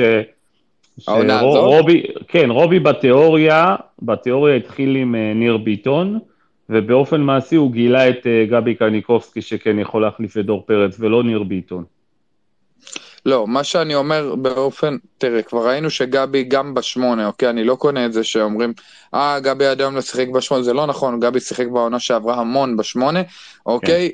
הוא קיבל את הצ'אנס כדי להוכיח שהוא יכול להיות דומיננטי ולהוביל את הקבוצה, זה לא קרה, אוקיי? אותו דבר אה, דן ביטון מתחילת העונה. אני רואה, אני, אני לא רואה שפתאום גבי קניקובסקי הופך להיות איזה שמונה שמביא לנו 10 ו-10, אוקיי? או 12 ו-10, משהו כזה, 12 ו-8. לא רואה את זה קורה, מצטער. אני גם לא רואה את רמת ההשפעה ב... בכלל במשחק השוטף ברמה כל כך דומיננטית. אנחנו חייבים את הדבר הזה, ואם הדבר הזה בכלל נמצא בספק, או בכלל אה, יכול להיות שמוותרים עליו, אז בעיניי זה קצת עצוב. אני לא חושב שברמת המאקרו ארבעה שחקנים יכולים להפוך קבוצה ממקום שלישי, שהיו לה המון המון המון בעיות בסגל, אוקיי? לאלופה. ארבעה אבל שחקנים. זה, אבל זה. לא בדיוק ארבעה שחקנים, שקד, זה יוריס, יוריס שבאמת לא נלקח בחשבון שנה שעברה, אז זה שחקן אוקיי. חמישי, וזה אוקיי. יונתן שלא שיחק, אז אתה יודע, זה, אפשר להגיד שזה חצי קבוצה. עדיין, עדיין, כשאתה רוצה להפוך קבוצה לאלופה, אתה צריך תוספת יותר משמעותית. יכול אין להיות, לזה ספק. יכול אין להיות. לזה ספק, אתה חייב עדיין. בסופו של דבר, גם בו, הם שחררו עכשיו את שחר, אוקיי? וגם לא נראה שהם סופרים את גיא, אה, בעמדה של המגן הימני, אז כאילו, אני חושב לעצמי, אתם לא מנסים להביא איזה בלם גיבוי, לא מתן ולא גיל כהן, כאילו ויתרתם על זה, למה ויתרתם על זה? גם היום ראינו שכאילו, נניח וכאילו תורג'מן מקבל דקות אה, כחלוץ, אולי הוא עדיין לא שם כדי להיות המחליף הישיר של אה, ערן.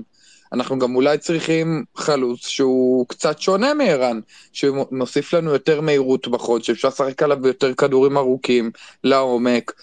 אנחנו גם את זה צריכים, אה, ובגלל זה אני לא מבין למה כל כך מהר ויתרנו על איתמר שבירו. אתה מבין? אני לא מבין את כל הוויתורים האלה אה, כל כך מהר. אה, אני לא בטוח שהסגל הזה מספיק לאליפות כרגע, יכול להיות שאני טועה. אני לא, אני לא טוען שהוא לא מספיק, אבל אני גם לא בטוח לגביו במאה אחוז. אז...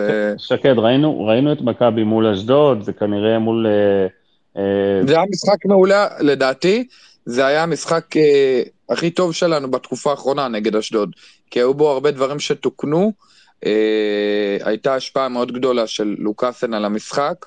גם היום ראינו שלוקאסן, כשהקבוצה הייתה נראית חיוורת ורעה, אני חושב שהוא הציל אותנו הרבה מאוד פעמים. ועדיין יש בו ה... משהו, אני יודע שאתה אוהב את לוקאסן, אבל עדיין יש בו משהו אה, מהוסס לפעמים, משהו שאתה בתור צופה סלאש אוהד, איפשהו, לא, לי הוא לא נתן את הביטחון היום.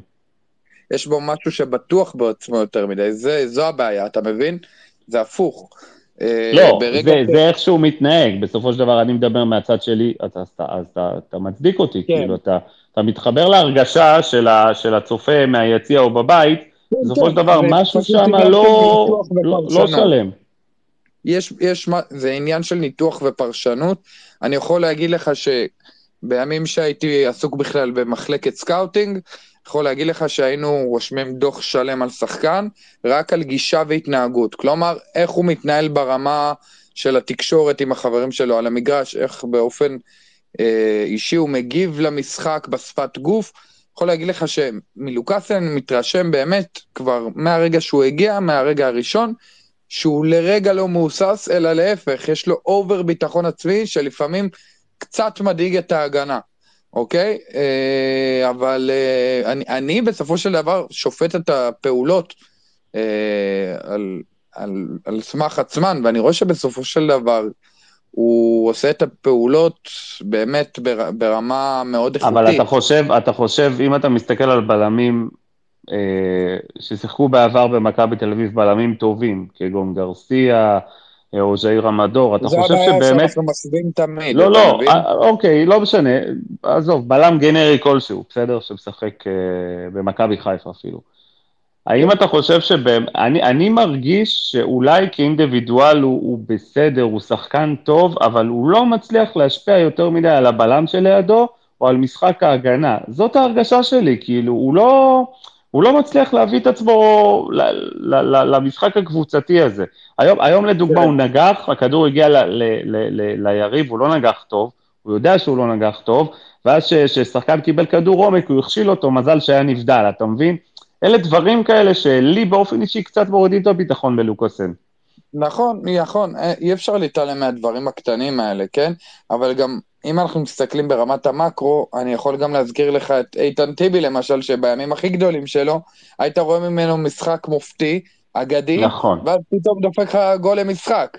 אוקיי, נכון. ובוא, גם קרלוס, גם קרלוס, גם קרלוס, עם כל הכבוד, היו לו משחקים אדירים. אבל קרלוס היה בסוף. שקד, קרלוס בסוף שלו, בשנתיים האחרונות. לא, אני זוכר משחקים של קרלוס, שהוא היה אדיר, אבל עדיין היה לו איזושהי פלטה כזאת. קיבל אדום בדרבי, למיטב זיכרוני, נכון, אבל... עכשיו, אני אגיד לך יותר מזה, אני אגיד לך יותר מזה. בלמים, אוקיי, שאתם מדברים עליהם שהם מאוד שלמים, שלא מגיעים עם הפלטות הקטנות האלה והשריטות הקטנות האלה, לא מגיעים לפה בכלל.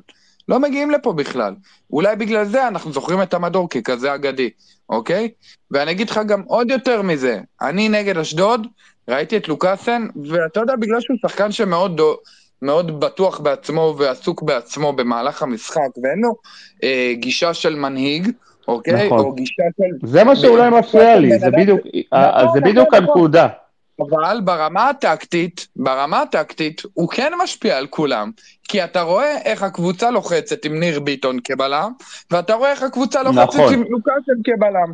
זה, ברמה- אבל זה מה לגבי הנעת. כדור? שקד, מה לגבי הנעת כדור? זה גם משהו שהוא די, די לוקה. שרשרתי על זה, לג, לגבי הנעת כדור שרשרתי על זה, ואני לא יודע אם ראיתם אה, בווידאו, לוקאסן בלם מאוד חכם בבילדאפ, בהנעת כדור, כי כשלוחצים אותנו, הוא הרבה פעמים מכדרר קצת יותר מדי, והוא שומר על הכדור עם הגוף, ואף אחד לא מבין למה הוא נמרח עם הכדור, אבל בעצם מה הוא עושה? הוא מושך אליו חלוצים בכוונה, והוא די בטוח בעצמו שהוא לא יאבד את הכדור, אוקיי? אז הוא בעצם מתיש כל פעם את החלוץ, עד שהוא גורם לחלוץ לאחר כבר ללחץ.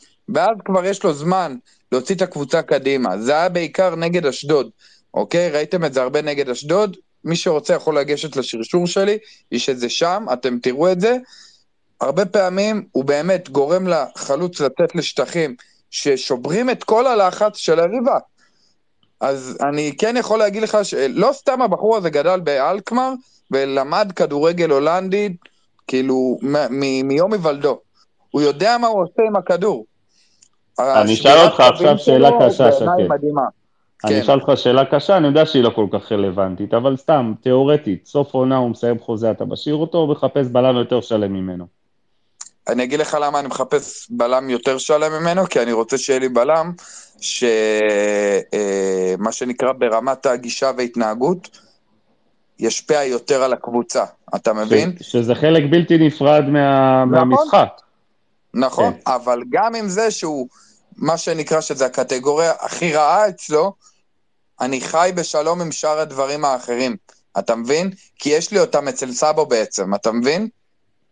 אני, אני מבין, אני גם טוען שכרגע בשלב הזה, גם אם מכבי ירצו להחליף אותו זה מאוחר מדי וזה להמר על בלם חדש, אז כבר אפשר להישאר איתו עד סוף העונה, בהנחה שכל הברגים מהודקים. וגם אבל מכבי, להישאר אגב, עם חמישה זרים, לא, לא, חלילה, לא- חלילה, לא- להישאר... זה לא לגיטימי בעיניי. לא, לא אני יודע, זה פשוט לא לתת לרובי את כל הכלים שמגיעים לו ושהוא צריך, אוקיי? בשביל להגיע כמה שיותר רחוק עם הקבוצה הזאת, זה להכשיל אותו בעיניי.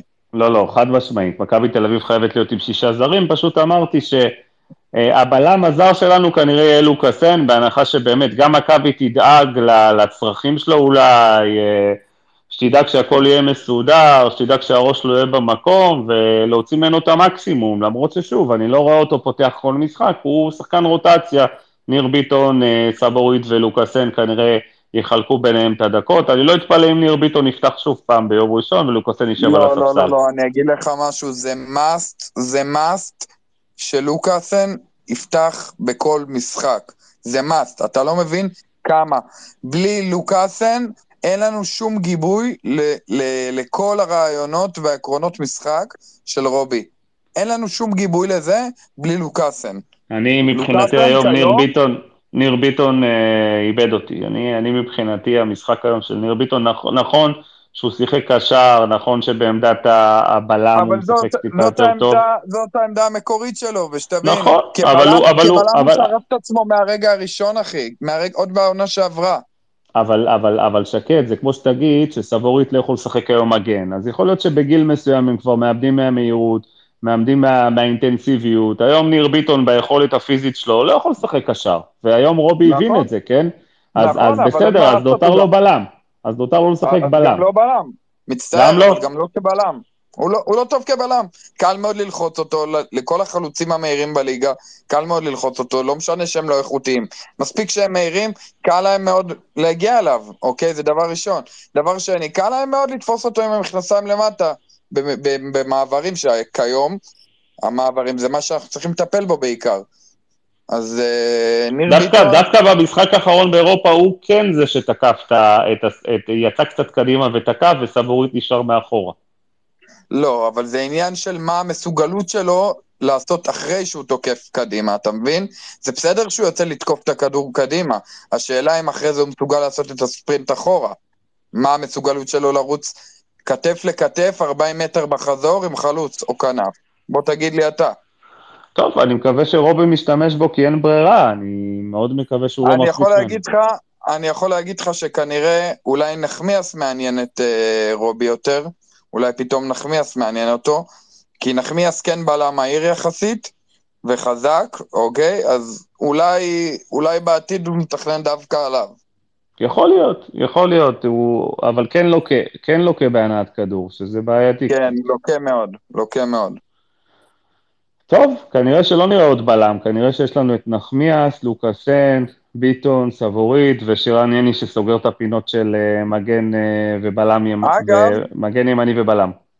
אגב, אני רוצה להגיד עוד משהו, מאוד מפתיע בנושא שרן. נניח ואנחנו נשארים, אה, נניח וכן יהיו שישה זרים, אוקיי? אחד הדברים שכן יכולים לפתור פה אה, זה משהו, זה נניח משחקים שבהם רובי לא מתכוון להוציא את המגנים שלנו יותר מדי גבוה לאגפים, שזה קורה לא מעט, שהם מתפקדים בפועל כבלמים שלישיים, אוקיי? כל פעם אחד אה, לסירוגין, שהם די נשארים קרובים לבלמים, אז לפעמים אולי אתה לא באמת צריך את מסון, כי אתה לא משחרר אותו קדימה. אתה יכול לספסל אותו ולתת את התפקיד הזה לשרן, כי שרן עושה את זה מדהים. כמגן ימני אה, שלא תופס קו, שרן עושה את זה. אז אם גם ככה אתה לא משחרר את מסון קדימה, אתה יכול לתת את העמדה הזאת לשרן, ואז אתה יכול מקדימה לשחק עם חמישה זרים. תראה, שקד, אתה, אתה צודק לגמרי, ואני אתן את הניתוח האחרון שלי לגבי הגישה של אה, רובי, מקודם פרימו גם אמר שרובי לא מאמין, שיש לו 11 ו- והוא הולך איתם. אני, הטענה שלי היא טענה אחרת. רובי היה מאוד מאוד חשוב לו לעלות לשלב הבתים של אה, ליגה אירופית כלשהי, אוקיי? וזה גם כסף, וזה גם יוקרה, בסופו של דבר אה, כולנו זוכרים כמה היה חשוב לאיביץ' לעשות את זה, והוא לא עשה את זה. אז רובי שם את כל הקלפים שלו וזה לא עניין אותו אה, רוטציה. אני כן מאמין שאנחנו נגיע לשלב הבתים עצמו, אנחנו כן נראה רוטציה, ואני אגיד לכם יותר מזה, אנחנו, אני חושב שלרובי יהיה אפילו יותר חשוב משחקי הליגה, כי הוא יבין שאליפות בליגה זה הטייטל, אה, הטייטל ש, ש, שמכוונים אליו במכבי תל אביב, ולא מקום ראשון או שני בקונפרנס ליג, ואני ממש מכבד את הקונפרנס ליג, אבל אליפות היא הרבה הרבה יותר חשובה. לכן אני חושב ש... אני לא בטוח שראינו מה שרובי, מה, מה שרובי מאמין בו, פשוט הוא רצה ככה להפיל לשלב הבתים בכל הכוח. תקן אותי אם אני טועה. גל, תרשה לי לענות לך על זה. בכיף. אני, יש לי תיאוריה שמיץ' גולדהר, התפיסה הניהולית שלו היא כזאת, שכשהוא מביא אה, עובד חדש, או לצורך העניין מאמן חדש, או אנשי צוות חדשים, הוא אומר להם, בואו קודם כל, לפני שאתם אה, פותחים לי את הכיס, תראו לי מה אתם יודעים לעשות עם הקיים, תראו לי איך אתם מכניסים כסף, ואחר כך אני אדבר איתכם על להוציא כסף. זה, זה מתחבר לי למה שאמרת על לרובי קין היה חשוב לעלות לשלב בתים. הוא עמד, ב, אה, הוא עמד במשימה, הוא היה לשלב בתים, הוא הכניס כסף, הוא הראה מה הוא יודע לעשות עם הקיים. אה, במקביל ימכרו שחקנים, ואני גם מאמין שבסופו של דבר עכשיו יגיעו, אה, אה, יגיעו שחקנים. אה, כי בוא נגיד רובי קין עמד בצד שלו ב... בעסקה, אם אפשר לקרוא לזה ככה. אה, אז זה לתהייה, לתהייה אה, האם יגיע זר שישי, שאני חושב שכן, ו... לא, הוא יגיע, אה, ענבל, השאלה מתי. אתה יודע, אני לא, אני לא חושב שמדיניות הלחכות ל-31 באוגוסט, 1 בספטמבר, להחתים שחקנים היא אה, רק בגלל המציאות והשוק הישראלי שנסגר אחרי השוק האירופי וכל הדברים שאנחנו מדברים עליהם כל שנה. יש פה משהו מעבר לזה. גולדה מחכה לראות מה, מה הבן אדם ומה לעשות סך הכל מכבי תל אביב כן מחליפה מאמן כמעט כל קיץ. הוא רוצה לראות מה אנשים שלו יודעים לעשות אה, לפני שהוא ממהר לשפוך עוד ועוד ולהחליף את- להחליף את כל הסגל כל שנה, אני חושב שזה נכון אגב. אה, אני רוצה, ואם יש זמן, כאילו, שקד גם זמן, יכול להגיד, יש. להגיד לי מה הוא חושב, אני רוצה לדבר על קיקו. אני חושב שאם אתה מסתכל, אני שידרתי את קיקו איזה פעם, פעמיים בוויזלה בשנתיים האחרונות. אה, זוכר כל מה שאני, ונכתבו עליו המון המון מחמאות אה, מצד אנשים שמבינים אה, יותר ממני כדורגל ברשתות, על היכולות הטכניות שלו, ו... אבל לדעתי מבחינת פרופיל, ואני אומר את זה מאוד מאוד בזהירות, זה אה, שחקן שהמעבר מוויז... המעבר מוויזלה למכבי תל אביב הוא מעבר גדול. ויזלה קבוצת קטנה, זה שחקן שבעוד אה, חודשיים וחצי יהיה בן 28, לא, לא גדל באקדמיה המפוארת בפורטוגל, שיחק רוב הקריירה בליגה שנייה שלישית, סך הכל שלוש עונות בליגה ראשונה בקבוצה קטנה. אה, זה שחקן בפרופיל שבדרך כלל מכבי תל אביב לא מביאה, היא מביאה שחקנים יותר בכירים. אה, וזה יהיה מאוד מאוד מעניין לראות איך הוא, איך הוא עושה את הקפיצה הזאת, כי זאת קפיצת מדרגה מבחינתו, למרות שהוא לא שחקן צעיר. דווקא בגלל זה אני יכול להגיד לך שאני מאוד רוצה אותו במכבי, כי אני חושב שבאיזשהו מקום בקריירה שלו הוא מגיע לפה כשחקן שעדיין לא מיצה את עצמו, עדיין לא הגשים את עצמו, ועכשיו הוא מגיע למועדון מבחינתו, שזה מועדון צמרת, מועדון פאר, מועדון יוזם, שהוא הולך לשחק אה, בו כדורגל אה, שהוא קצת פחות הכיר, אה, ואני חושב שהיכולות הטכניות שלו, הבסיס הטכני הכל כך מפותח שלו, והזריזות שלו והיכולות הפיזיות שלו אה, לשנות כיווני תנועה כמובן, זה משהו שבאמת יכול לבוא לידי ביטוי הרבה יותר טוב בקבוצה ישראלית גדולה שנאבקת על תארים, וגם אני יכול להגיד לך באמת שלפני שנתיים, הוא הביא שישה שערים בליגה הפורטוגלית. בעיניי, שני שערים בליגה הפורטוגלית זו ליגה חזקה מאוד, אוקיי? במושגים של הליגה הישראלית, להביא לפה זר שלפני שנתיים הביא שישה שערים, אוקיי, גם ב-11 של העונה, שקד. זהו, כן, נבחרת העונה, אם אני לא טועה, שנה שעברה או לפני שנה. אבל יש פה, אבל יש פה שאלה, יש פה, איך הוא לא בתוכניות של המאמן שלו אם דקה וחצי לפני הוא היה ב-11 של העונה? זה באמת תהייה, זה משהו ש... מוזר לי. כל, זה כבר, זה כבר, זה כבר מה שנקרא מצריך אה, סקאוטינג הרבה יותר מעמיק. לא, אני, סליחה שאני קוטע אותך, אני לא מכיר את המספרים של ויזלה, אבל אני בטוח שמכבי תל אביב שילמה יותר כסף בצורה משמעותית ממועדון כמו ויזלה, ואני משוכנע שאם מכבי שמה מיליון יורו לפי דיווחים, אה, כן. דמי העברה, מיליון יורו זה הרבה בשבילם. שם זה הרבה מאוד כסף. בטח לשחקן בן 28, לא מדובר באיזה אה, כוכב שהם מוכרים שהוא בן 22, אלא אומנם אחד השחקנים הכי מובילים שלהם, בנקר בהרכב שלהם. אם, אם למשל אתם מסתכלים על זה בצורה של הקבלה לליגה שלנו, זה כמו שנגיד סמי בורארד של חדרה למשל, אוקיי? אה, מסוג השחקנים האלה שנגד הגדולות, הוא היחיד שצד לך את העין, אוקיי? יכול להגיד לכם שראיתי אותו למשל נגד פורטו, ומצאתי שהוא השחקן היחיד שמצליח לבלגן משהו אצל פורטו הגדולה. אה, באמת ראיתי אצלו, אני יכול להגיד לכם שהוא גם שחקן כנף מאוד מוזר בעיניי, כי הוא יוצא מגדר הרגיל של מה שאנחנו רגילים לסגנן. כלומר, אנחנו תמיד מכירים שחקן כנף שרץ לעומק, או שחקן כנף שהוא אה, מאוד כזה כדור לרגל, אבל קיקו הוא מצד אחד שחקן שיודע גם לרוץ לשטח, גם יודע לקבל לרגל. יש לו שתי רגליים חזקות, יש לו פתאום פגזים בשמאל, והוא בכלל מכדרר בימין. אה, הוא מסוגל לשחק עשר, הוא מסוגל לשחק בשני הכנפיים, ואני אגיד לכם יותר מזה, הוא, משחק, הוא גם מסוגל לשחק אחד מתוך שניים באמצע. כלומר, שניים באמצע לבד. אתה מבין? זה משהו מאוד מוזר. והוא מאוד חזק, הוא מין גוץ כזה, מטר שישים ותשע, אבל מאוד חזק ורחב. בוא, בוא ניגע בעוד נקודה, שקד, שקד וענבל, עוד, עוד נקודה של מבחינתי מאוד חשובה. שחקן בן 28 שמעולם לא יצא מפורטוגל. אנחנו נצטרך אולי אה, ככה להיות עם, עם הרבה סבלנות. יש לזה משמעות, וסבו. לא? אתה זוכר שגם ז'איר וסאבו היו כאלה? נכון, אבל פה, פה נכנס הפן המנטלי, כאילו, אני לא, לא מכיר את השחקן, את האופי שלו, מילטון אבל... יעזור לו בזה לדעתי, שניהם דוברי פורטוגזית, גם דניאל טננבאום, אתה יודע, כבר שלושה דוברי פורטוגזית בקבוצה אחת, זה הרבה, אוקיי? זה, וגם אני מניח שסאבו יתחבר אליו כבר, אה, אתה יודע, זו תרבות שהיא די זהה.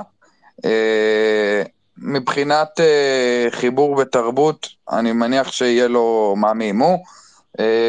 התאקלמות לכדורגל עצמו, אני חושב שהוא מסוג השחקנים שכל החיים מחכים לקבל במה ולהתחבר לסגנון היוזם של הקבוצות הגדולות יותר.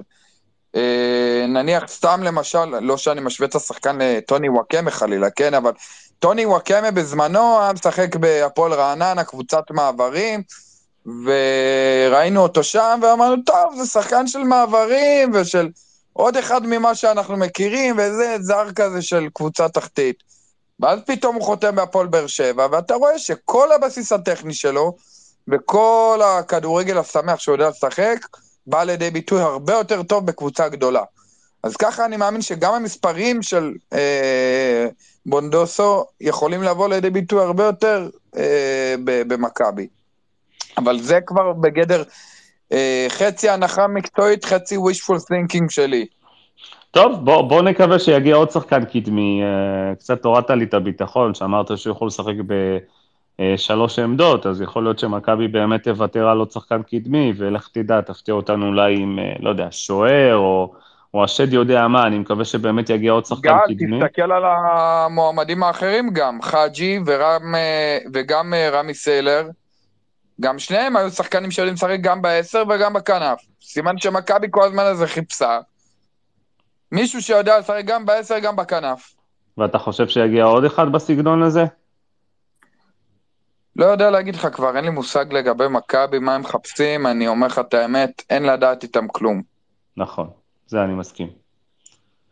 לכן אני מאוד, לכן אני מאוד מסופק מהזר השישי ש... שאמור להגיע עד יום שני, מזה התחלנו את הדיון, אחרי דיון חלילה מתיש. אה, טוב, שקד.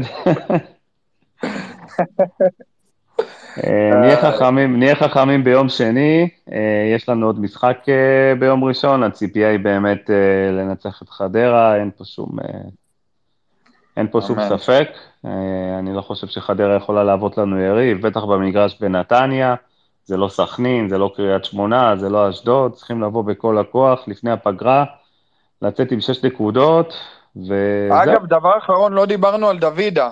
חשוב לי מאוד לדבר על דוידה גם. דיברנו על דוידה, אבל בוא ניתן לך שלוש דקות אחרונות, שלוש דקות אחרונות, קבל את הבמה. מקצועית על דוידה, לא בא לכם? יאללה, תן בראש. תקשיב, אחד הדברים שבעיניי הכי חשובים לרובי בשחקני כנף שלו, בגלל שהסגנון הוא כזה לוחץ ב- ב- ב- בצורה גבוהה, ובטח ובטח שיש לך חלוץ כמו ערן, שהוא סוג של פרמינו כזה, שהוא יורד עד למטה ומוציא את הבלמים, וראינו שני שערים נגד אשדוד מהדבר הזה. הדבר הכי חשוב בשחקני כנף שלך, שהם ידעו להיכנס לחור שאותו משאיר ערן. ואני רואה שיונתן כהן קצת מתקשה בזה, אוקיי? ומה שאתה צריך בשחקני כנף שלך, שבדיפולט שלהם הם תמיד יחשבו עומק, עומק, עומק. כאלה שברגע שהם רואים חצי הזדמנות לרוץ לעומק, הם כבר עושים את זה, וזה אושר דוידה. זה אושר דוידה, והוא מטוס בדברים האלה. זה מה שטוב בו, שהוא, אה, וגם, תחשוב שאם אתה אה, מחלץ כדור מאוד גבוה, אתה צריך איזה כנף שברגע שאתה מרוויח את הכדור קרוב לשער של היריבה, ידע לטוס בדיוק למרכז הרחבה בתנועה האלכסונית הזאת. לכן אני מאוד אוהב את הרכש של דוידה. ברמת האיכות, אני לא יודע כמה הוא יהיה איכותי, בגלל הרגל הימנית שאין אותה בבסיס, בבסיס הטכני. לא יודע כמה הסיומת שלו עד היום, היו לו תשעה שערים, הוא נתן עונה של תשעה שערים, אבל אני לא יודע כמה הסיומת היא באמת המשכית. מה שכן, אה, כל עוד הוא יהיה שחקן שימשיך לרוץ לעומק, וזה יהיה בדיפולט שלו, בלחץ של רובי, וגם בכלל בבניית המשחק, אני חושב שזה יכול להיות בינגו רציני, אני חושב שזה יכול להיות בינגו רציני, כן. שקד, אני אשתף אותך, אה, היה דיון על דוידה, שבסופו של דבר גם הגענו למסקנה שבעקבות דור פרץ, ש, שיצא שנה לאירופה ולא שיחק, ויונתן שיצא שנה לאירופה ולא שיחק, והיה לו מאוד קשה, העונת מעבר הזאת היא באמת הייתה קשה, אז, אז גם אושר דוידה שלא ראה דשא שנה שלמה, אז הציפיות בהתאם, יכול להיות שזאת תהיה שנה, שנת מעבר ובאמת יהיה לו קשה אה, לחזור לכושר שהוא היה בו בהפועל תל אביב, אבל מצד שני אני חייב אה, לסייג ולומר שגם דור פרץ וגם יונתן נכנסו לחצי עונה שנייה במכבי לא טובה, לא טובה של המועדון, כן. של קרנקה, אז גם יונתן גם לא קיבל את ההזדמנויות מן הסתם, דור קיבל יותר, אבל כשהקבוצה לא טובה והמועדון במשבר, אוקיי, משבר ניהולי, משבר מקצועי, כל מה שאתם רוצים, אז גם uh, לשחקנים מאוד קשה להיכנס לתלם. יכול להיות שהמערכת במכבי, אפשר להגיד בוודאות, באחריות היום היא הרבה יותר בריאה, בטח מקצועית, ניהולית אה, עדיין אה, אני חושב שחובת ההוכחה על בן, אבל מקצועית בטח. אז יכול להיות שכן, אה, אושר דוידה ימצא את הדרך הנכונה להיכנס לכושר קצת יותר אגב, מהר. משהו שמתחבר לזה, משהו שמתחבר לזה, אני חושב שאם הצוות שעכשיו מנסה לעבוד עם הקבוצה על לחץ אחרי עיבוד, ידע באופן אישי לעבוד עם אושר דוידה על כל עניין הלחץ והלחץ אחרי עיבוד, שזה בדיוק מה שעבדו עם עומר אצילי עליו במכבי, אני חושב שהוא יכול להפוך למכונה. כי הוא שחקן מאוד גמיש בלחץ. אני חושב שיונתן כהן הרבה יותר כבד בלחץ, וקשה לו להגיע בזמן למעברים, אה, למאבקים בלחץ, ואושר דוידה יגיע אליהם הרבה יותר מהר. אושר דוידה שחקן שמגיע לבלם או למגן הרבה יותר מהר, וזה יכול להביא לנו הרבה כדורים טובים אה, במאבקים, אה, אז אני חושב שבעבודה באוף דה בול שלו עם הצוות, יכולים לקרות דברים יפים אם הוא יהיה מחויב לזה. לסיום, דוידה יכול לשחק רק בימין לדעתי, נכון? ימין... רק בימין. רק ימין בימין. עם רגל שמאל. כן, כל עמדה אחרת היא שקר. טוב, אה, שקד, בוא נקווה שבאמת אה, דוידה ייכנס לכושר כמה שיותר מהר, וככה נהנה גם אה, ממנו בחצי הראשון של העונה. בואו נסיים, נאחל לכם סוף שבוע נעים, היה ארוך, אבל אה, בסוף יצאנו אופטימיים, שקד, תודה, תמיר, אה, ענבל, כל מי שדיבר, כל מי שהאזין, שיהיה אחלה סופש, נתראה ביום ראשון.